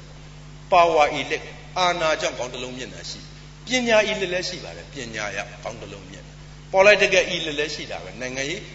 အတွေ့အကြုံနဲ့လုပ်ရည်ကံရည်ရ elite ဖြစ်တယ်အခုပြောတဲ့ elite ဆိုတာအဲ့ဒီအတိတ်ပဲပါအရင်လက်ဝဲနားလည်ချက်နဲ့လူမလိုင်ရေပေါ်စီမပြောပါဘူးဒါကြောင့်ဒီအပြောင်းနဲ့ကျတော့ဥဆောင်တာ elite တွေကိုယ်တိုင်ကပြောင်းဥဆောင်ဒါကြောင့် transformation from a verb အပေါ်ကလာတဲ့အပြောင်းလဲလို့ပြောနိုင်ပါတယ်ကျွန်တော်တို့စီမှာじゃဘသူကောင်းဆောင်လို့ဖတ်ဆက်ပလာကောင်းဆောင်လို့သွားခဲ့သို့တော့ဒီအပြောင်းလဲကပထမအပြောင်းလဲလို့ရှင်းရှင်းလင်းလင်းမတော့အတော်ရှုပ်ရေရှည်လည်းဖြစ်တယ် နော်အထူးသဖြင့်ပြည်တွင်းစစ်ဖြစ်နိုင်ငံဖြစ်နေတဲ့နိုင်ငံကြပိုးရှုပ်တယ်ပိုးကြာတတ်ဒီသဘောတွေလည်းပါတယ်တဖြည်းဖြည်းပြောင်းလဲရတာလို့များဘာကြောင့်လဲဆိုတော့ democratic precondition တွေမရှိတဲ့အောက်မှာလုတ်ခဲ့ရတော့အကွေ့အကောက်တွေကတော်တော်များအဲ့လိုနိုင်ငံမျိုးတွေထဲမှာ democracy ဆိုတာလည်းအသွင်သဏ္ဍာန်ပဲများတယ်နော်တကယ်လက်တွေ့ကျတော့အာဏာရှင်တဝက်တွေဖြစ်နေအာရှနိုင်ငံတွေတော်တော်များများဒီပုံစံသွားတာသို့တော့အဲ့ဒီထဲကမှာ ဈေးကွက်ကိုဖွင့်မျိုးအောင်လုပ်ပြီးဈေးကွက်စီးပွားရေးနဲ့သွားတဲ့နိုင်ငံတွေကတော့ကံအားလျော်စွာစီးပွားရေးဖွံ့ဖြိုးတိုးတက်မှုရလာအဲ့ဒီကနေတဖြည်းဖြည်းနိုင်ငံရေးဖွံ့ဖြိုးမှုဒီမိုကရေစီဘက်ကူးလာတာတော့ရှိချုပ်လိုက်ရင်တော့ဒီဟာကအကောင်းဆုံးပုံစံတော့မဟုတ်ဘူးပထမလိုင်းလို့လည်းမရဘူးသို့တော့ရနိုင်တဲ့လမ်းကြောင်းအရှေ့အာရှနိုင်ငံအများစုတောင်ကိုရီးယားတော့နော်ဒီပုံစံနဲ့သွားခဲ့တာကျွန်တော်တို့လည်းဒီပုံစံနဲ့ပါခဲ့ပါတယ်ဖတ်စာပါလား သို့တော့ကန်ဆိုးတာကကျွန်တော်တို့ကပြည်တွင်းစစ်နောက်ခံကားမှာလုတ်ခဲ့ရတော့စီးပွားရေးဖွံ့ဖြိုးမှုလည်းမရနော်ဒီမိုကရေစီလည်းရင့်ကျက်အောင်မလုပ်နိုင်နဲ့ဆယ်နှစ်မရှိတရှိတက်တန်းမှာပဲဏီကုန်းချုပ်သွားတာပေါ့အဲ60နှစ်နောက်ပိုင်းကြာတော့နော်ကျွန်တော်တို့မှာဈေးကွက်ကလည်းအဖြတ်ခံလိုက်ရတယ်ပါလီမန်လည်းအဖြတ်ခံလိုက်ရတယ်ကာလတစ်ခုကြာတော့အရင်တော်တော်အားကောင်းတဲ့ပညာရေးကလည်းစန့်ကျင်ဘက်ကိုရောက် စစ်ပြီးခက်လောက်ထိကြားဘူးတာပေါ့ဟိုတော့မမိဘူးရန်ကုန်တက္ကသိုလ်ဟာအရှိတောင်အာရှနိုင်ငံတွေထဲမှာအကောင်းဆုံးပညာရေးအမြင့်ဆုံးလို့ကြားဘူးအဲ့ဒီတော့စင်ကာပူတို့မလေးရှားတို့ကရန်ကုန်တက္ကသိုလ်ကျောင်းတက်နိုင်ဖို့မနှဲကြိုးစားရအခုတော့တည်တဲ့အတိုင်းအဲ့လိုဖြစ်သွားတာပေါ့နော်အဲ့တော့ဒါတွေလည်းထားလိုက်ပါတော့ဒုတိယလှိုင်းမှာဒီသဘောတဘာဝတွေရှိပါတယ်ကျွန်တော်တို့လည်းလုတ်ခဲ့မှုပါတယ်မအောင်မြင်ခဲ့ပါဘူးပြည်တွင်းစစ်နောက်ခံကမှလုတ်ခဲ့ရတာလည်းပါတယ် တခြားသောအကြောင်းအကြောင်းတွေလည်းပါတယ်နော်အခုတတ္တရလိုင်းကိုဆက်ပါမယ်တတ္တရလိုင်းဖြတ်သွားတဲ့နိုင်ငံတွေကိုအုပ်စု၃စုခွဲလို့ရတယ်နံပါတ်1ကတပါတီကွန်မြူနစ်နိုင်ငံအရှေ့ဥရောပနိုင်ငံသုံးချက်ဘက်ကပြောရင်သူတို့ကဈေးကွက်မရှိပါလီမန်မရှိသို့တော့ပညာရေးကောင်းသုံးချက်မှာတစ်ချက်အားကောင်းတာရှိအရှေ့ဥရောပနိုင်ငံတွေပညာရေးကမညံ့ဘူးဒါတော့အတိမတ်ပြုရစ ဆိုဗီယက်ယူနီယံအစပေါ့ authoritarian ဆိုတာအာရှကအာဏာပိုင်စနစ်ကျင့်သုံးတဲ့နိုင်ငံပါလီမန်မရှိသို့တော့ဈေးကွက်ရှိတယ်ပညာရေးကောင်းတယ်အာရှနိုင်ငံသုံးခုမှာနှစ်ခုရှိတယ်နောက်ဆုံးစစ်ဖက်တာဝန်ယူထားတဲ့နိုင်ငံကျွန်တော်တို့ကဒီထဲပါပါလီမန်မရှိဈေးကွက်မရှိပညာရေးနတ်တိနော်အဲ့လိုသွားတာ သုံးအုပ်စုထဲမှာအဆိုးဆုံးအနေအထားမှာသွားခဲ့တာပါသူတို့ရဲ့ထူးခြားချက်ကပထမလိုင်းမှာရှိတဲ့ precondition ၃ခုလုံးဝမရှိတာရင်လည်းဖြစ်မယ်ရှိရင်လည်းအားနဲ့ပုံစံနှမျိုးနဲ့ပြောင်းသွားပါတယ်တတိယလိုင်းရဲ့အထွတ်ထိပ်ကာလ89 90တဝိုက်မှာပြောင်းခဲ့တဲ့ပုံစံဘယ်မှာပြောင်းလဲဆိုတော့အရှေ့ဥရောပနိုင်ငံတွေမှာပြောင်းသူ့ကိုပါမောက္ခရှမတာတို့ကနာမည်ပေးထားပါတယ် pedit transition ပေါ့ပဒိညာအပြောင်းလဲလို့ကျွန်တော်တို့ဘာသာပြန်ပါတယ်အရှိဥရောပမှာဖြစ်တာသူတို့ဟာ precondition ရှိသလောက်ရှိတယ်သုံးချက်ထဲမှာတစ်ချက်ကောင်းတယ်အထူးသဖြင့် culture ဘက်ကရေးချိန်ညက်တယ်နိုင်ငံရေးရေးချိန်ညက် political culture ကနားလဲ weak precondition လို့ပြောနိုင်တယ်သူတို့ဘယ်အားစလဲလမ်းပေါ်အားစတာပဲသူတို့ဒီမှာလဲ civil society တရားဝင်ခွင့်မပြုဘူးမပေးဘူး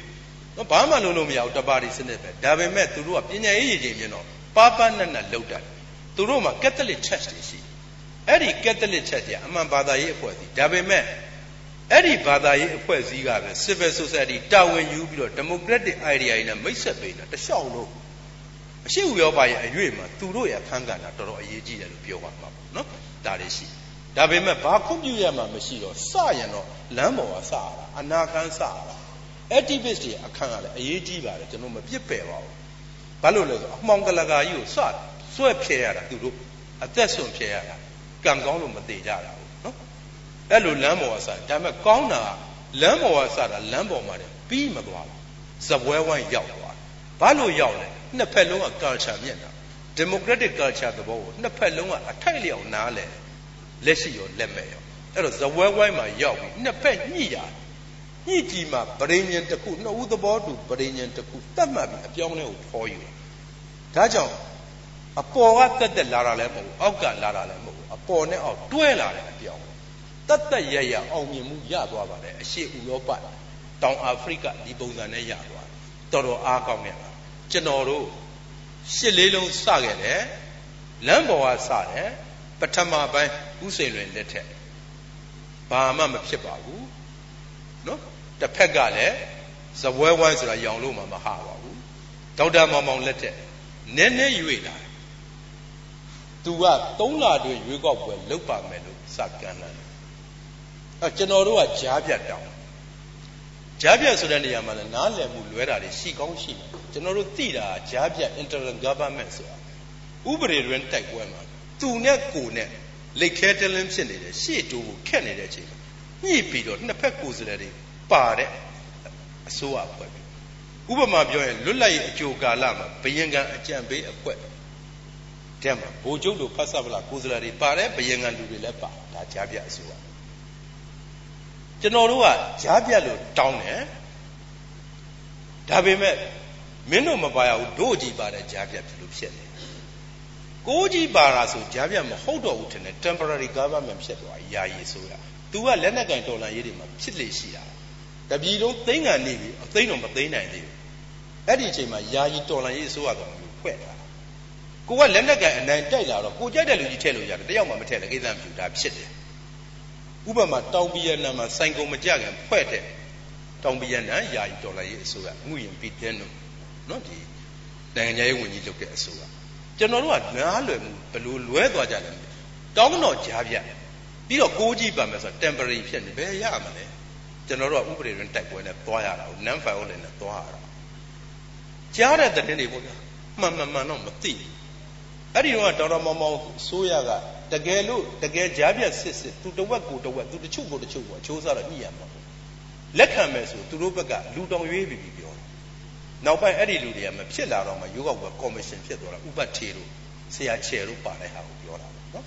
သို့တော့ကျွန်တော်တို့မဖြစ်လိုက်ချုပ်လိုက်ပါတော့ ကျွန်တော်တို့ဘသူကြောင့်ဘသူကြောင့်လူပုဂ္ဂိုလ်ရဲ့အပြစ်တင်တာလည်းအကျိုးမရှိပါဘူးဟောလမ်းမော်နိုင်ငံရေးကဇဝဲဝိုင်းနိုင်ငံရေးကျွန်တော်တို့မပြောင်းခဲ့တယ်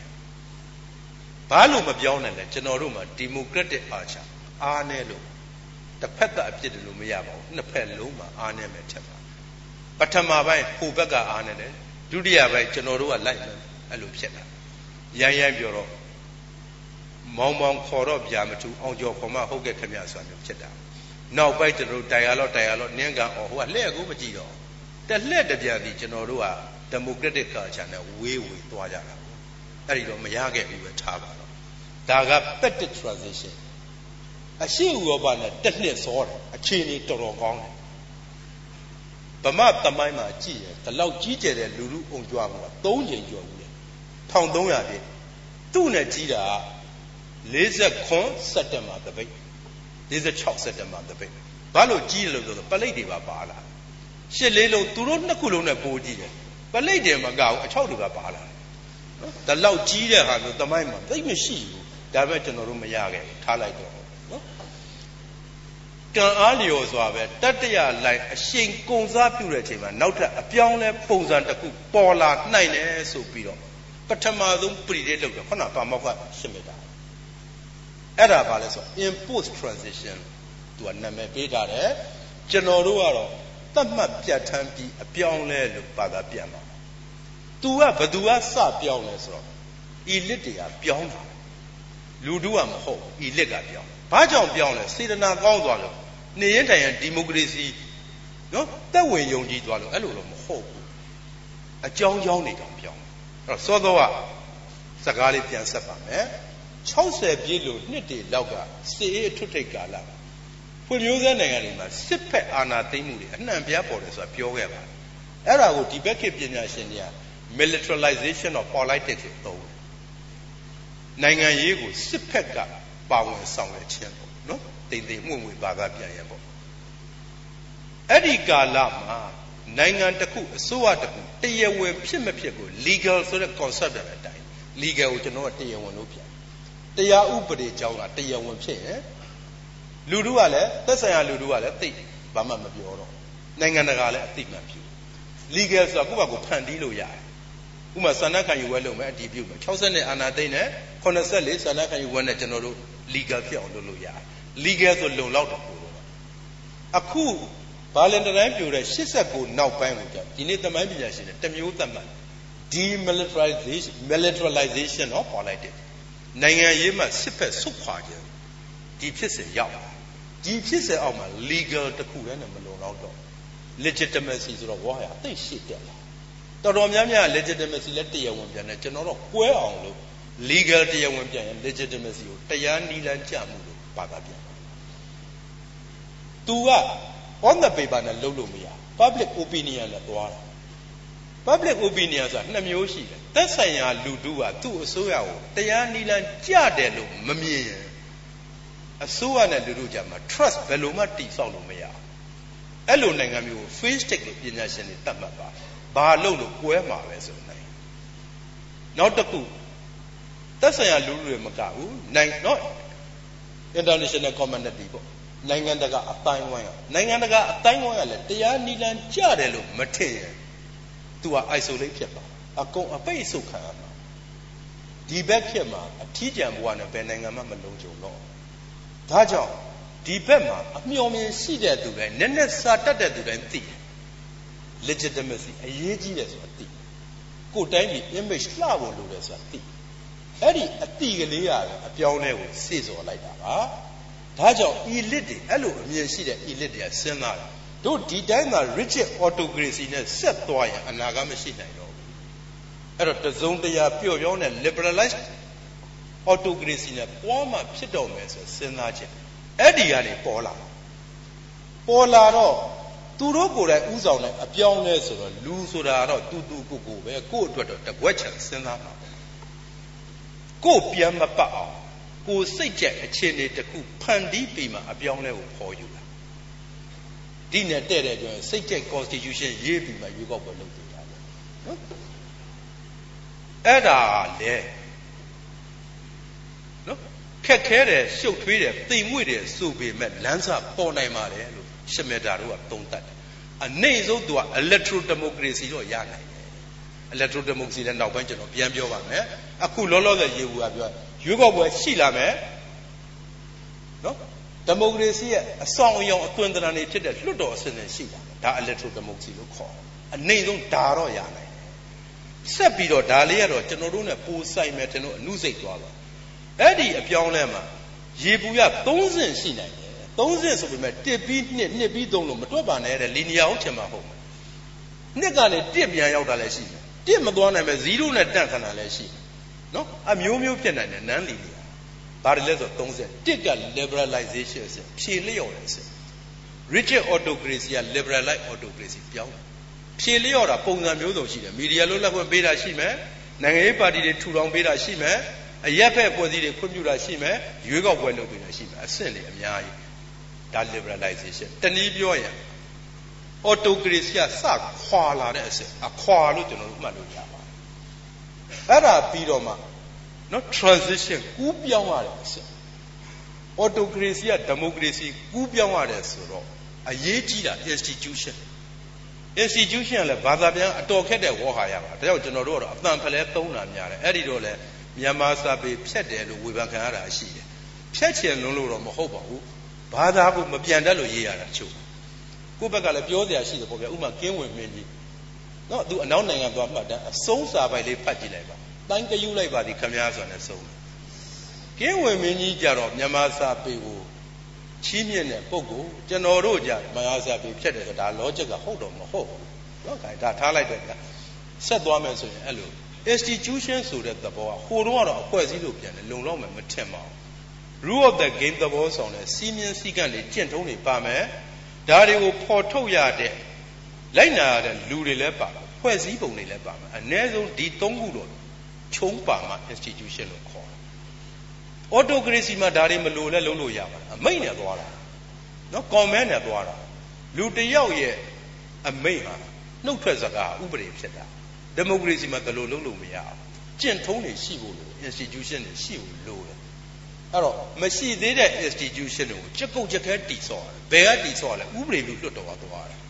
ဒီကာလကကြာနိုင်တယ်အရေးအကြီးဆုံးကာလလည်းဖြစ်တယ်ကြာကောင်းကြာနိုင် ဘာပဲပြောဒီကာလတော့ဖြတ်ရအကူးလို့ထားပါစောစောကခွာလာတယ်အခုဓမုစီကူးဖို့တရားခင်းနေတဲ့ကာလဒီနှစ်ခုကိုအောင်မြင်မြင်ကြော်နာမှအခိုင်ကိုဆိုလို့နော်ဓမုစီကိုခိုင်မအောင်ဒီဆောက်ပါရေဘူးအစစ်30ရှိနိုင်ပါလေအဲ့ဒီတော့စဉ်းစားချက်တွေကမတူဘူးတချို့ကဒီလိုအခွာအကူးအခိုင်ဖြစ်စဉ်၃ခုအောက်မှာ democratic အင်အားစုတွေပဲ space တွေပေါ်နိုင်တယ် တခြား alternative လည်းမရှိဘူး space တွေပေါ်နိုင်ကြလည်းရှိရင်ဒါကိုထက်စဉ်းစားတဲ့တယ်လို့မြင်တယ်ရှမိုင်ရှမထာတော့အဲ့ဒါလိုပြောတယ်ကျွန်တော်တို့ကလည်းဖတ်ပြီးသဘောကျတယ်ဖြစ်နိုင်မယ်လို့ထင်တယ်ဒါကြောင့်ရွေးကောက်ပွဲစဉ်းစားပါလို့ရေးဘူးတယ်စာပေလောကမှာ၃ယောက်ဆရာကြီးမောင်စူးစမ်းရဲ့ဆုံးသွားတဲ့ကိုနေဝင်းမောင်ရဲ့ကျွန်တော်ရဲ့ရေးဘူးတယ်သစ္စာပေါက်၃ယောက်ကိုဖြစ်တာပဲနော်ကျွန်တော်တို့လည်းအတော်စော်လိုက်ရတယ်အစိုးရနဲ့ပေးသားခံရတာ လွယ်တာဟုတ်ပြီးတော့ဒီတိုင်းပြည်မှာအဲ့လိုအပေးသားခံရခွေးနဲ့အဲ့လိုခံရတယ်လို့ပဲဗျလူကနလန်မထူတော့မတတ်နိုင်ဘူးကျွန်တော်တို့လည်းကဲခွေးဖြစ်လည်းမတတ်နိုင်ဘူးစာရေးသမင်းစားမရကျူရှင်ပြစားမယ်ဆိုမန်တဲ့နာမရဲတရဲရေးကြည့်ရဘာလို့လဲဆိုဖြစ်နိုင်တယ်ထင်လို့ပါအများစုကတော့မဖြစ်ဘူးမဖြစ်ဘူးလို့ထင်အလကားဟာကြီး ဒီတက်တန်းရှည်အောင်ဆွဲဆန့်တယ်ဆိုတော့အပန်ကြီးကတော်တော်ကျယ်ခဲ့ပါတယ်အများစုကလည်းလက်ခံပါတယ်အပြစ်မတင်ပါဘူးကျွန်တော်တို့ culture နဲ့လည်းဆိုင်ကျွန်တော်တို့ culture မှာစကားပုံတစ်ခုရှိတယ်မစားရအရှင်စားရစီတမင်းဆိုရှိစားရမှာတော့စီတမင်းမှာစားမှာအေးမစားရင်အငတ်ခံတယ်ဒီလိုမာနနဲ့နေတဲ့လူမျိုးဒီလိုနဲ့ငတ်တာများတယ်နော်နားလည်းထားလိုက်ပေါ့နောက်တစ်ခုကကျွန်တော်တို့မှာ normative approach ပေါ့ နှုံးဆန်တွေကိုတိတ်ကြိုက်တာဒါလည်းအပြစ်လို့တင်လို့မရဘူး deeply လေ့လာခြင်းတဲ့လူလေ့နဲ့တဲ့လူကနှုံးမှုနှုံးဆန်ကြိုက်မှာဒါဘာသာရေးနဲ့လည်းဆိုင်ဥပမာထေရဝါဒဗုဒ္ဓဘာသာသုံးနိုင်ငံကိုညှို့ပုံရင်တိတ်မတူဘူးဒါဘုန်းကြီးတစ်ပါးပြောဘူးလေတိရိလင်္ကာဝီနီးညွတ်တယ်တဲ့ထိုင်းကတုတ်ထန်ညွတ်တယ်ကျွန်တော်တို့ကအဘိဓမ္မာညွတ်တာဟုတ်လောက်တယ်လို့ထင်တယ်ဘာလို့ဆိုကျွန်တော်အညာမှာအဘိဓမ္မာဆွေးနွေးဝိုင်းတယ်အခုတည်းရှိတယ်ရွာတွေမှာဖိုးကြီးတွေရင်းခွင်နဲ့ထတ်တတ်တာတွေလည်းရှိတယ်နော် အဲထားလိုက်တယ်အဘိဓမ္မာညွတ်တာမကောင်းဘူးလားကောင်းတယ်တလေးတက်နဲ့ဘိုးဖြစ်တာဒါပေမဲ့ဘယ်နေရာမကောင်းလဲဆိုတော့လက်တွေ့လုပ်တဲ့အခါမှာပြဿနာတက်တယ်အဲ့ဒါကိုဘုန်းကြီးတွေပြောတဲ့စာခံတယ်ဆိုကျွန်တော်သိသဘောမပေါက်ဆရာတော်တစ်ပါးမေးကြည့်မှာ तू ရှင်းပြတာတွေကကောင်းစာခံတယ်ဆိုတဲ့ဟာနော်အဘိဓမ္မာစွဲတယ်ဆိုတာ norm စီစံတွေကိုသိတန်မိုးထားတာကြိုင်လွန်းတာအဲ့ဒါစာခံတယ်ဆိုဘယ်လိုဖြစ်လဲဝိပဿနာအလုပ်ဆိုတာခန္ဓာရဲ့ reality ကိုကြည့်ခိုင်းတာ အဲ့ဒီအတွက်ဖျားပေးတဲ့နေရာထွက်သက်ဝင်တဲ့တတိပဋ္ဌာန်လောက်ခိုင်းတာအတန်မှန်လူတယောက်ကဘုန်းကြီးခိုင်းတယ်လို့ရှူရှိုက်ကိုကြည့်တယ်အဲ့ဒီအနေနဲ့တမာရီရပြီးတဆင့်စင်းညံညံစင်တက်ပြီးတမတ်တပူရသွားတာရှိအဲ့တော့ဘိဒကအိုးကွယ်ခုနအဘိဓမ္မာအစွဲတန်တဲ့လူစာရီအများကြီးဖတ်ထားတဲ့လူကဘုန်းကြီးခိုင်းလို့လှုပ်တော့လှုပ်တယ်ထွက်သက်မှတ်ဝင်သက်မှတ်ခဏပဲမှတ်ရတယ်သူစိတ်ကထွက်ပြေးနေဘယ်ပြေးလဲဆိုလေဒီယဘယ်လိုမဟာစီယဘယ်ညာနော်နောက်တက မုဂုတ်ကဘယ်သို့စသဖြင့်နေလုံနေတော့သူများတမာရိရဆိုသူဘာမှမရအဲ့ဒါစာခံတယ်လို့ပြောတာကျွန်တော်ထင်တယ်နိုင်ငံရေးမှာလည်းစာခံတာရှိမှထင် normative ချလာတာ normative ကလာစာခံနေတော့ဒီမိုကရေစီကိုဘာဆန်ဘာဆန်ဘာဆန်နဲ့ပြည့်ရဒါမဟုတ်ရင်ဒီမိုကရေစီမဟုတ်ဘူးအသမိုင်းမှာလည်းရှိတယ်48လွတ်လပ်ရေးရလွတ်လပ်ရေးဆိုတာဘယ်ဆန်ဘယ်ဆန်ဘယ်ဆန်နဲ့ပြည့်ရတယ်ကိုနှုံးဆန်နေနဲ့ကိုတိုင်းတယ်ဒါအလွဲ့အတုပဲဆိုတော့ကိုကွန်မြူနစ်ပါ ပြည်တွင်းစစ်ဖြစ်ဗမာပြည်ဘလောက်ဒုက္ခရောက်လဲအခုသိတဲ့အတိုင်းအဲ့တော့စံအခြေပြုချင်းကန်နေတယ်ကျွန်တော်တို့စွဲတယ်အဲ့ဒါလည်းဒုက္ခတော်တော်ပေးမယ်တဲ့မှာအပြစ်မတင်ပါဘူးနားလည်ပေးလို့ရပါအဲ့ဒါလို့နဲ့ကျွန်တော်တို့ရွေ့ခဲ့ကြတယ်ဘယ်လိုရွေ့လဲဆိုတော့အများစုကနိုးပုတ်သွားတယ်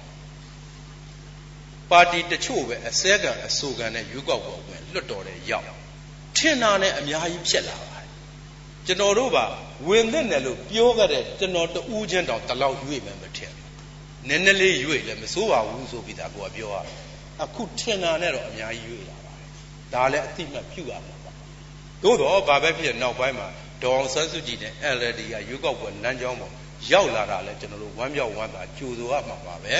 လေးလဲလေးစားရမှာပဲအားလဲအားကိုးရမှာပါအဲ့ဒီတော့သူဝင်လာတော့ပုံမြိုင်လာတာပေါ့ နော်ဖြစ်နိုင်ခြေတွေပုံများလာတယ်လို့ထင်ပါတယ်လမ်းစာပေါ်ပြီးလို့ထင်ပါတယ်ရှိခဲ့တယ်တော့ဒီတိုင်းအခုလောလောဆယ်ဘယ်အနေထားရောက်လဲဆိုတော့ရွေးကောက်ပွဲဖြစ်တော့ဖြစ်သွားတယ်ကိုယ့်ဘက်ကအ ਨੇ စုပဲရတယ်လက်ရှိအာဏာရပါတီပဲထားပါတော့နော်သူတို့အများစုရသွားဆိုတော့က liberalization ကလည်းလုံနေတယ်မကုန်သေးဘူး liberalization ကလည်းနော်ဖြည့်လျော့တဲ့ဆရာလည်းမပြီးသေးဘူး တခါ transition ဆိုတဲ့ institutionalization ကလာလည်းအခုမှစကြရတော့ရှိသေးတယ်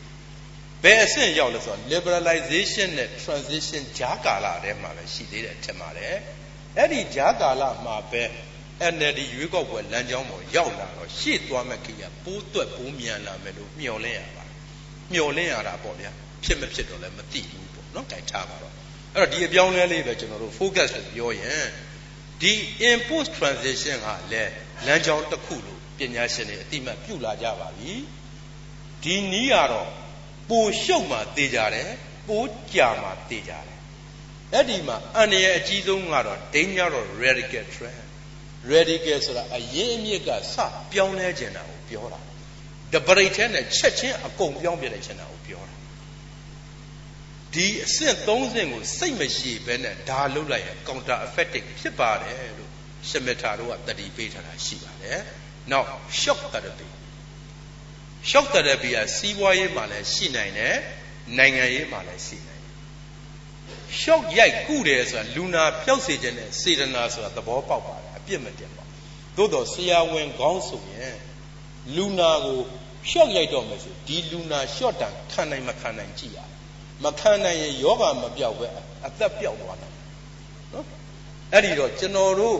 ရင်ဆိုင်နေရတဲ့လူမမာကြီးဗမာပြည်ကြီးဟာလွတ်လပ်ရေးနဲ့အပြိုင်ရလာတဲ့ယောဂပြည်တွင်းစစ်ယောဂနော်ဒီမိုကရေစီပျောက်ဆုံးတဲ့ယောဂ60နှစ်တည်းဟာ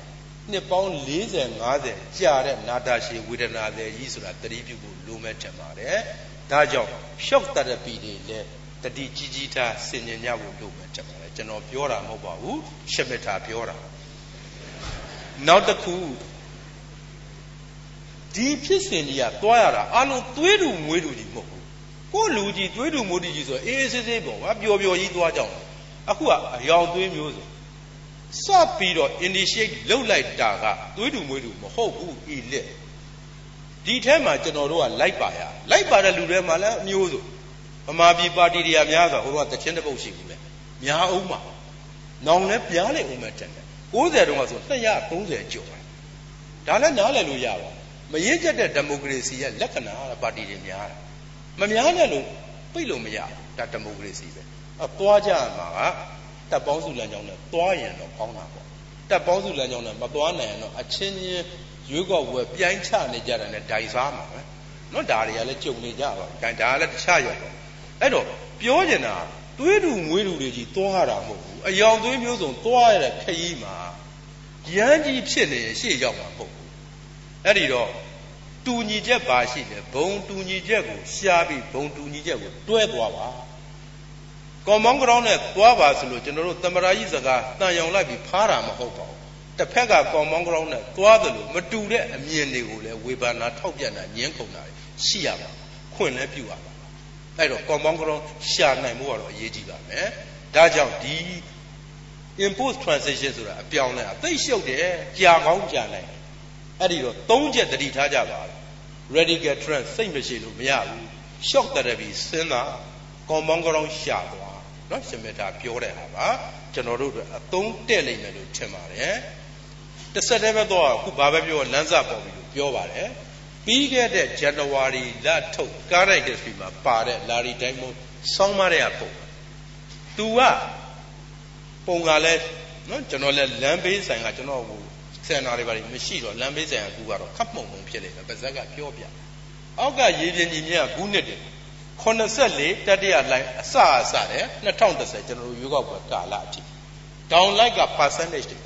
ကဘာပေါ်မှာဒီမိုကရေစီရပြီးတဲ့နိုင်ငံတွေရဲ့ percentage ကိုပြတာပါ ဂရမြင့်နှစ်ကြောင်းပါပါတယ် dot နဲ့မြင်းက electro democracy ရပြီးတဲ့နိုင်ငံအပြည့်မြင်းက liberal democracy ရင့်ကျက်တဲ့ democracy တည်ထောင်ပြီးတဲ့နိုင်ငံ2010စည်ရင်ရကြည့်ရင် electro democracy ရပြီးတဲ့နိုင်ငံတွေရဲ့ percentage 60%နီးပါးရှိပါသို့တော့တကယ်ရင့်ကျက်တဲ့ democracy ရပြီးသားနိုင်ငံတွေကတော့40%လောက်ပဲရှိအဲ့ဒီတော့ကောက်ချက်ကဘာလဲဆိုတော့ electro democracy ရတာဟာခြေလမ်းပေါင်းမြောင်များစွာရဲ့အစရှိသေးတယ်တကယ်ရင့်ကျက်တဲ့ပြန်လမ်းမရှိတဲ့ခိုင်မာတဲ့ democracy ရဖို့ဆိုရင်ဆက်ကြိုးစားရအောင်လို့ဆိုတော့ concept ပါအဲ့ဒါလေးကိုပြန်ပြီးကျွန်တော်တို့ကြည့်လိုက် electro democracy ဆိုတာဘာလဲ liberal democracy ဆိုတာဘာလဲ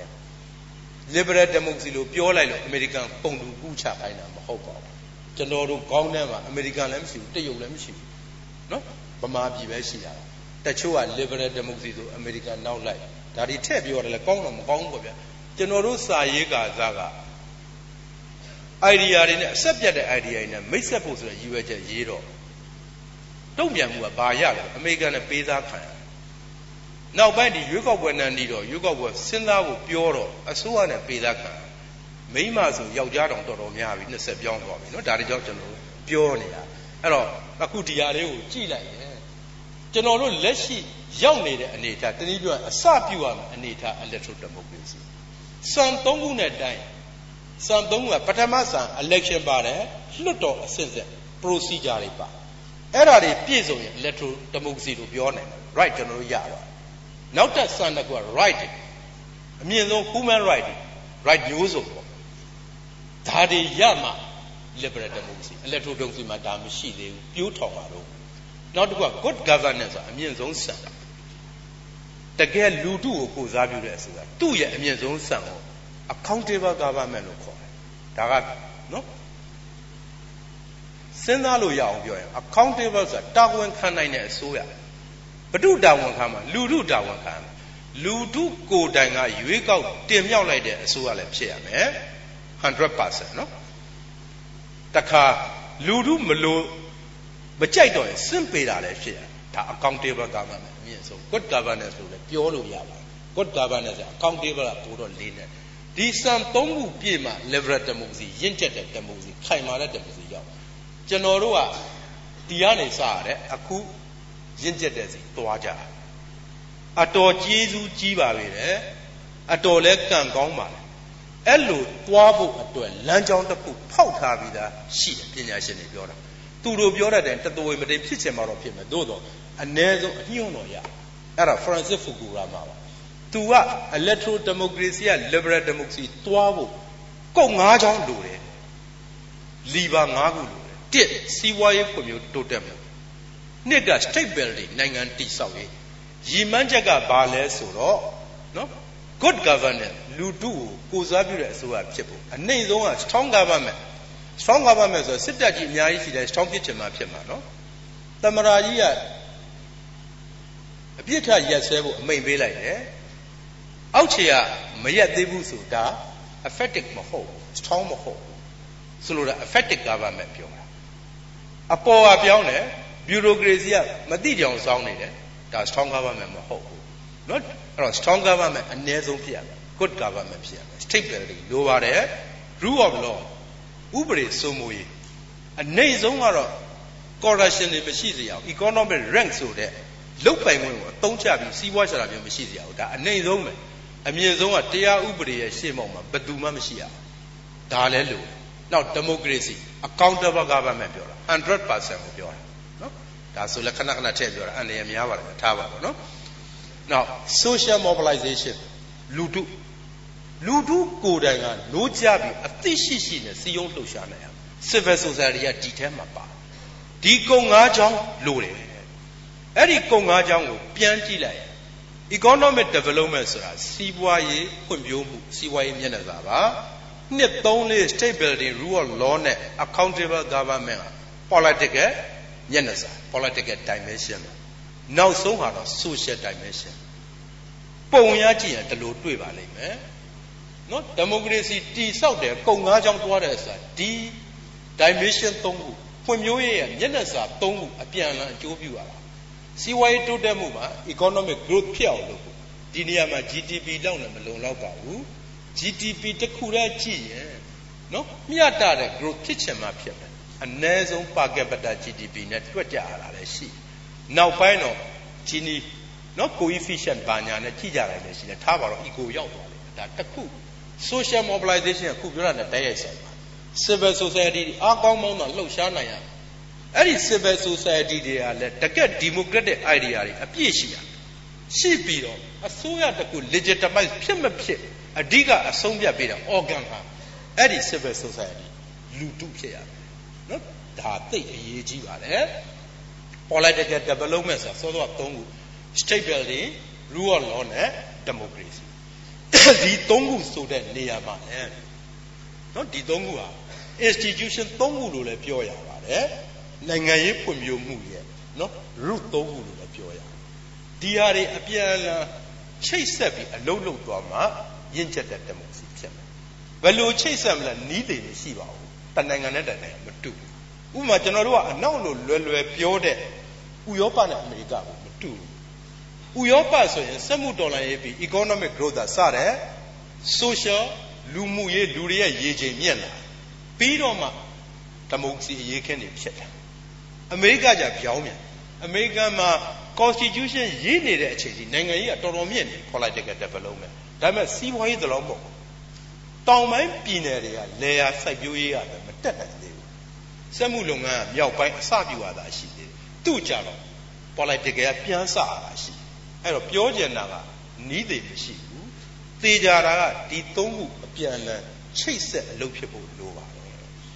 နီးသေးမရှိဘူးဆိုမှကျွန်တော်တို့တဲ့အထိုက်အသက်နီးစပ်တာအထိုက်အသက်ပဲနော်အာရှနိုင်ငံတစ်ခုဟိုနမူနာပေးပြီးတော့ဒီပုံလေးကြည့်ပါမယ်ဖရန်စစ်ဖူဂူရာမရဲ့နောက်ဆုံးစာအုပ်တဲ့ပုံပါအဲ့ဒါကခေတ်သစ်ဖွံ့ဖြိုးရေး paradigm လို့တော့သူကနော်သတ်မှတ်ထားပါ အထူးသဖြင့်ဖွံ့ဖြိုးဆဲနိုင်ငံတွေသွားတဲ့လမ်းကြောင်းမှာဒီပုံစံသွားတယ်များတယ်ပေါ့အဲ့တော့တောင်နော်ကိုရီးယားအထူးသဖြင့်တောင်ကိုရီးယားပါကိုရီးယားရဲ့အားပါချက်ကသူ့မှာ state building မစိုးဘူးအစင်လာကွာကိုရီးယားမှာမကောက်တရုတ်လည်းဒီတိုင်းဗဒေသစ်စနစ်ကလေးကသူတို့မှာ meritocracy ရှိ meritocracy ဆိုတာအည်ချင်းရချီးမြှောက်တဲ့စနစ်ရှိအမတ်လို့ဖို့အုပ်ချုပ်ရေးဝန်ထမ်းလုပ်ဖို့ဟာနော် ဘယင်နေကြိုက်ယုံလည်းမရဘူးအာနာရှိတယ်လေစွက်ခံလို့မရဘူးစံဝဲဖြေရတယ်အဲ့ဒီစံဝဲအောင်မှတာဝန်ပေးတာဒါ meritocracy လက်ကတယ်ကျွန်တော်တို့ဗမာမှာဒါမျိုးမရှိဘူးနော်ဝင်ကြီးပေးတယ်ဆိုရင်ရောက်ဖပေးရင်ပေးမယ်တူပေးရင်ပေးမယ်ဆွေမျိုးသားချင်းပေးတာများတယ်အရေးချင်းရှိရှိမရှိရှိမရီတိုကရေစီရှိကိုမရှိခဲ့နောက်တစ်ခုကိုလိုနီအမွေကောင်းတယ်ဂျပန်ကိုလိုနီဂျပန်ကဘယ်နိုင်ငံမှ အမွေကောင်းမချန်ခဲ့ဘူးချွန်းချက်ကိုရီးယားတက်ကြံဒါလည်းသူ့အကြောင်းနဲ့ကိုရီးယားကိုသူကလွတ်လပ်ရေးပေးဖို့သဘောထားကိုမရှိဘူးဒါကြောင့်ကိုရီးယားရဲ့ state institution တွေကိုသူကမေဂျီခေတ်အတွေ့အကြုံနဲ့ special လုပ်လာတာအဲ့တော့ကိုရီးယားမှာအဲ့ဒီမေဂျီခေတ်အတွေ့အကြုံတွေရှိတယ်လက်တလောရအစင်လားကိုရတာ meritocracy အားကောင်းတာဒါကြောင့်ကိုရီးယား state building ကမညက်ဒါပေမဲ့ state building ကနေစီးပွားရေးတိုးတက်မှုရှိဖို့ပါ state building ကောင်းရုံနဲ့မရဘူးဈေးကွက်လည်းရှိဖို့လို့ကိုရီးယားစစ်ပွဲပြီးတော့တောင်ကိုရီးယားရောမြောက်ကိုရီးယားရောနှစ်ခုလုံးက state building ဘက်မှာအားကောင်းပြီးသားအခန့်ကောင်းပြီးသားဒါပေမဲ့ဈေးကွက်မရှိတဲ့မြောက်ကိုရီးယားဘာမှမဖြစ်ဈေးကွက်ရှိတဲ့တောင်ကိုရီးယား economic ကိုတန့်ရတာလည်းအများတက်တရုတ်လည်းအဲ့ဒီလိုပြောလို့ရပါတယ်တရုတ်နဲ့လည်းတူသေးတယ်ဘာလို့လဲဆိုတော့တရုတ်မှာတိတ်နော်မော်စီတုံးတို့ဘာလုပ်ကြလို့လဲတိမ်လျှောက်ပင်တကားဖွင့်ပြီးမြန်မြန်လုပ်တော့မြန်မြန်ဖြစ်လာ ဘာလို့ဆိုတော့တရုတ် culture မှာက meritocracy ရှိတာကျွန်တော်တို့တော့မရှိဘူးပေါ့ဒါ economic growth ဖြစ်လာတော့စီးပွားရေးဖွံ့ဖြိုးလာရင်ပညာရေးမြင့်လာလူထုရေချိန်နဲ့တဖြည်းဖြည်းမြင့်လာအဲ့တော့ social mobilization လူထုရဲ့လှုပ်ရှားနိုင်စွာအားကောင်းလာညာနှစ်အဲ့ဒီကနေ democracy တည်ဖို့ကြာလိုအပ်ချက်တခုရှိတယ် civil society ကိုခွင့်ပြုရင် okay တယ် democracy တည်သွားခွင့်မပြုမတည် ကိုရီးယားကြတော့ civil society ကိုလည်းတစုံတရာခွင့်ပြုလာတော့အဲ့ဒီ civil society ရားခံပြီး social mobilization ကြောင့် democracy ကူးသွားနိုင်တယ်။မြားသုံးကြတရုတ်မပါတော့တရုတ်မှလည်းစီးပွားရေးဖွံ့ဖြိုးလာတဲ့အတွက်လူထုရေချိန်မြင့်လာတယ်။ဒါပေမဲ့ civil society ကိုခွင့်မပြုပဲစောစောပြစ်တဲ့ခါကျတော့ democracy ကူးမသွားဘူး။တင်ရမယ်ရေးခင်ကဒါကြောင့်မအောင်မြင်တာ။ ဒီမိုကရေစီရပြီဆိုတော့ဒီမိုကရေစီကြောင့်အစိုးရရဲ့တရားနိလန်းကြမှာကောင်းလာလူထုကလည်းထင်မြင်ချက်ကောင်းလာတယ်နိုင်ငံတကာလည်းထင်မြင်ချက်ကောင်းလာတရားနိလန်းကြမှုကနှစ်မျိုးရတယ်စီးပွားရေးဖွံ့ဖြိုးရင်လည်းအစိုးရရဲ့ image တက်တယ်ဒီမိုကရေစီရှိရင်လည်းတက်တယ်ကိုရီးယားနှစ်မျိုးလုံးရတာမြားလေးရောမြားငါးရောရတယ်တရုတ်ကြီးကမြားငါးပဲရတယ်မြားလေးမရဒါကြောင့်တရုတ်ကဒီနေ့အထိနော် ချီးကျူးတဲ့သူချီးကျူးဝေဖန်တဲ့သူဝေဖန်ဖြစ်နေတာ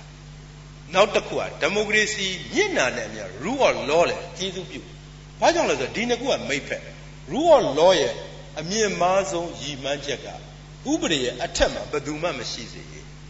ဒီမိုကရေစီရဲ့ရည်မှန်းချက်ကလည်းအားလုံးတန်းတူညီမျှဖြစ်စေရေးဆိုတော့ဒီနှစ်ခုကကျေးဇူးပြုတယ်ဒါကြောင့်ဒီမိုကရေစီကြောင့် rule of law လည်းတက်တယ် rule of law ကလည်းနှစ်မျိုးရတာ economic growth ကြောင့်လည်း rule of law ဖြစ်တယ်အပြန်အလှန်ပဲသူကနော်တရားဥပဒေစိုးမိုးရင်အချင်းပြတ်ချသာမှုနည်းတယ်စီးပွားရေးတိုးတက်မှု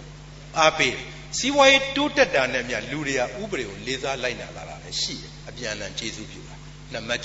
6သို့တော့တရုတ်ကြတော့ဒါမရမြားခွန်ရမလား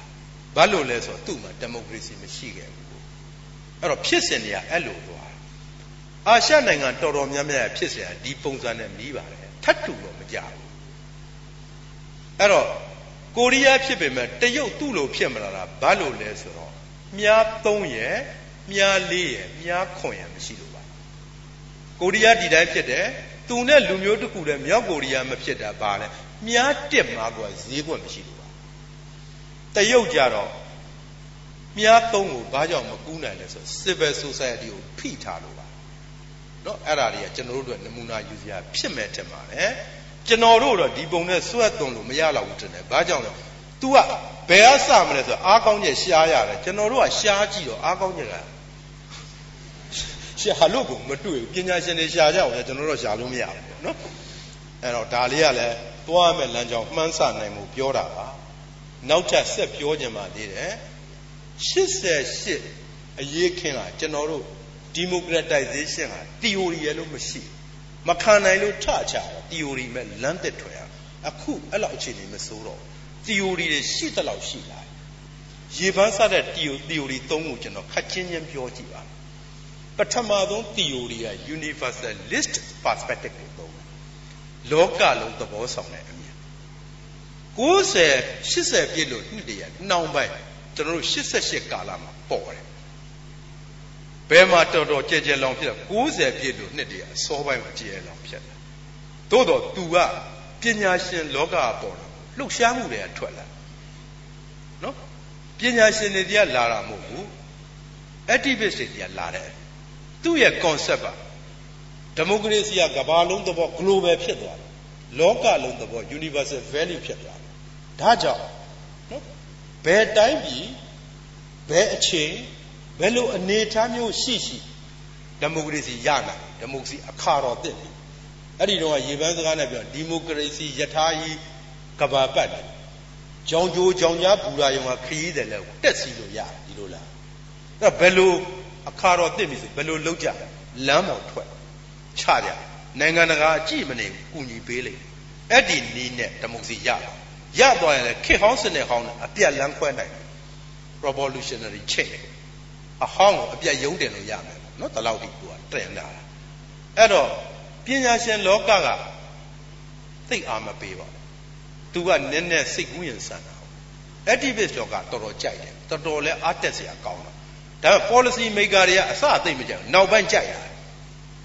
အထူးသဖြင့် George Bush လက်ထက် neo con လက်ထက်မှာဒါကြိုက်လာပြီသူတို့နိုင်ငံရေးပေါ်ဆိုတာ democracy promotion ဆိုတာတွေလုပ်တာနော်ဒါတော့ထားလိုက်တော့အခု ဒီအယူဆဟာ60ပြည့်လို့နှစ်တည်းနှောင်းပိုင်းမှာပညာရှင်တွေကဝေဖန်လာပါပြီကဘာမှာတော့ဘယ်သူမှမကြိုက်တော့ဘူးဒါကျွန်တော်တို့စီမှာလည်းတော်တော်ဩဇာကြီးရတယ်အခုလည်းကြိုက်တယ်လို့ကြိုက်တယ်လို့ရှိအောင်မလားမသိဘူးတဲ့တဲ့ပြောကြရင်တော့အမှောင်ကလကာကြီးကိုပထမဆုံးဆွဲဖြဲတဲ့နေရာအသုံးဝင်ပါတယ်ခရီးဆုံးရောက်အောင်တော့ပို့ပေးနိုင်တဲ့ theory လို့ကျွန်တော်တော့သိမထင်ဘူးဒုတိယ theory က preconditionist perspective လို့ပြောပါတယ်ပညာရှင်တွေပါလာတယ်သူက90ပြည့်လို့နှစ်တည်းကနှောင်းပိုင်းမှာရှေ့က universalist ဆိုဝေဖန်ရဲနဲ့2000ပြည့်လို့နှစ်တည်းအစောပိုင်းမှာတော်တော်ရှေ့ရောက်လာတဲ့အယူဆထင်ရှားတဲ့ပညာရှင်တို့ကတော့နော် Rusby တို့ဘာလို့ပါတယ်အမေရိကန်တက္ကသိုလ်ကနောက်တစ်ခါနော်ရေးလာ Amy Chua တို့ပါတယ် journalist တဲ့ဆို Zakariza တို့ပါတယ်နောက်စခဲ့တဲ့သူကတော့ Huntington ဇကာရီဇာတို့ရဲ့ဆရာပေါ့နော်ဆမ်မြူယ်ဟန်တင်တန်တို့ပါတယ်သူ့ရဲ့လက္ခဏာတွေကသူ့ရဲ့အခြေခံယူဆဒီမိုကရက်တစ် sequentialism အဲ့ဒါကိုကျွန်တော်တို့ကလည်းပါဠိတွေယူပြီးတော့နော်အနုကမဝါဒတွေပါလေလို့တယ်ဘယ်သူမှလည်းနားမလည်လို့တော့မသုံးတော့ပါဘူး sequence ဆိုတာကအစဉ်အတိုင်းပြောသူ concept ကတော့ democracy ကအစဉ်အတိုင်းလာတယ်တစ်ပြီးနှစ်နှစ်ပြီးတော့ကြောသွားလို့မရဘူးတဲ့လို့လာအဲ့တော့ ဒီမိုကရေစီစနစ်အမြင့်တွေခိုင်မာဖို့ဆိုရင်နံပါတ်1 precondition 3ခုရှိရမယ်ခုနကုံ၅ချောင်းနဲ့ကနှစ်3လေးကိုပြောတာ1 1နှစ်3ကိုပြောတာပေါ့နော် economic development စီးပွားရေးဖွံ့ဖြိုးအရင်လို့ rule of law တရားဥပဒေစိုးမိုးအောင်လို့ stability နိုင်ငံရေးကိုနော်ခိုင်မာအောင် effective ဖြစ်အောင်တည်ဆောက်ဒီသုံးခုက autocrat တွေလည်းလုံနိုင်တယ်သူတို့ပြောတာအထူးသဖြင့် liberal life autocrat တွေလည်းလုံနိုင်တယ် ဒါကြောင့် precondition တိဆောက်ရေးမှာဒီမိုကရေစီကြောင့်သိမပြောနဲ့အချိန်ဆောက်အောင် autocrat တွေလုပ်လိုက်တယ်ဒီသုံးခုရစ်မဲ့လာမှာဒီမိုကရေစီလို့ရပိုးလွယ်လိုက်တယ်ဒါကြောင့်ဒီမိုကရေစီရေးကိုခိတ္တစောင့်မအောင်လို့ခိုင်းတဲ့အယူအဆပညာရှင်တွေပါလာပါတယ် policy တွေ maker တွေတဲ့တော်တော်များများထောက်ခံအထူးသဖြင့် traditional realist နိုင်ငံရေး policy မှာ value နဲ့ interest ကိုဦးစားပေးတဲ့နော် realistic အဲ့ဒီတည်းကဆရာကြီးကတော့ Kissinger ပေါ့ Kissinger အကြီးကျယ်ထောက်ခံနောက်တခါ modernization theory ကိုနော်သဘောကျတယ်စီးပွားရေးဖွံ့ဖြိုးရင်နိုင်ငံရေးလည်းခင်မိမယ်ဆိုတဲ့ concept ပေါ့ဒါ modernization theory ခေါ်တာ Ronald Inglehart တို့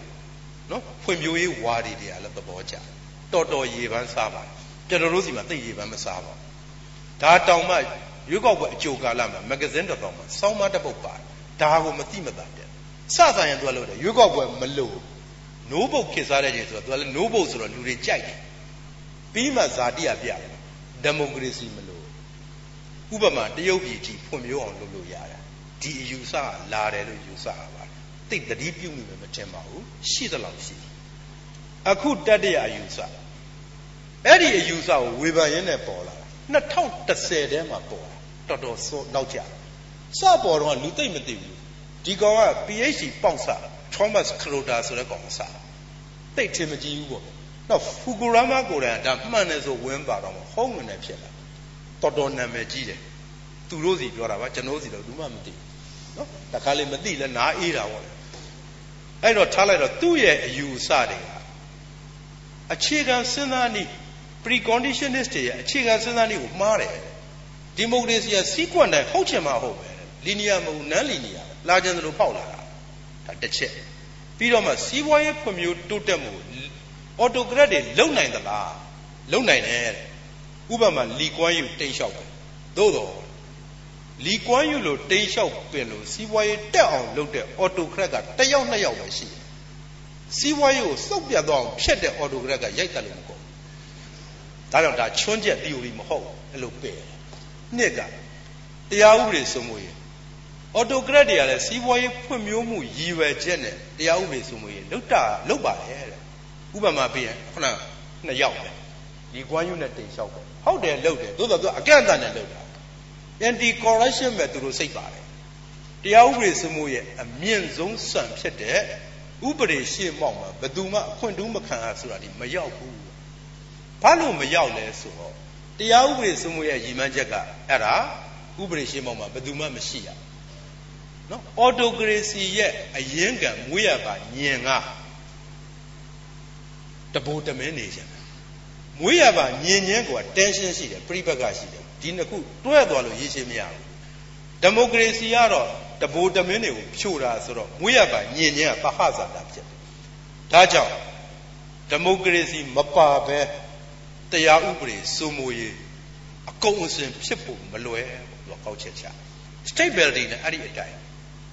stability ဆိုတာ effective government good government ဖြစ်ဖို့သူ့ရဲ့အမြင့်ဆုံးဆိုင်ကလူတွေတန်းတူညီမျှစွာနဲ့စိတ်ချမ်းသာပျော်ရွှင်ဖို့ autocracy ရဲ့ရည်မှန်းချက်ကသူနဲ့သူ့မိသားစုပျော်ရွှင်မှုလူတွေကဒုတိယကိစ္စအခြေခံ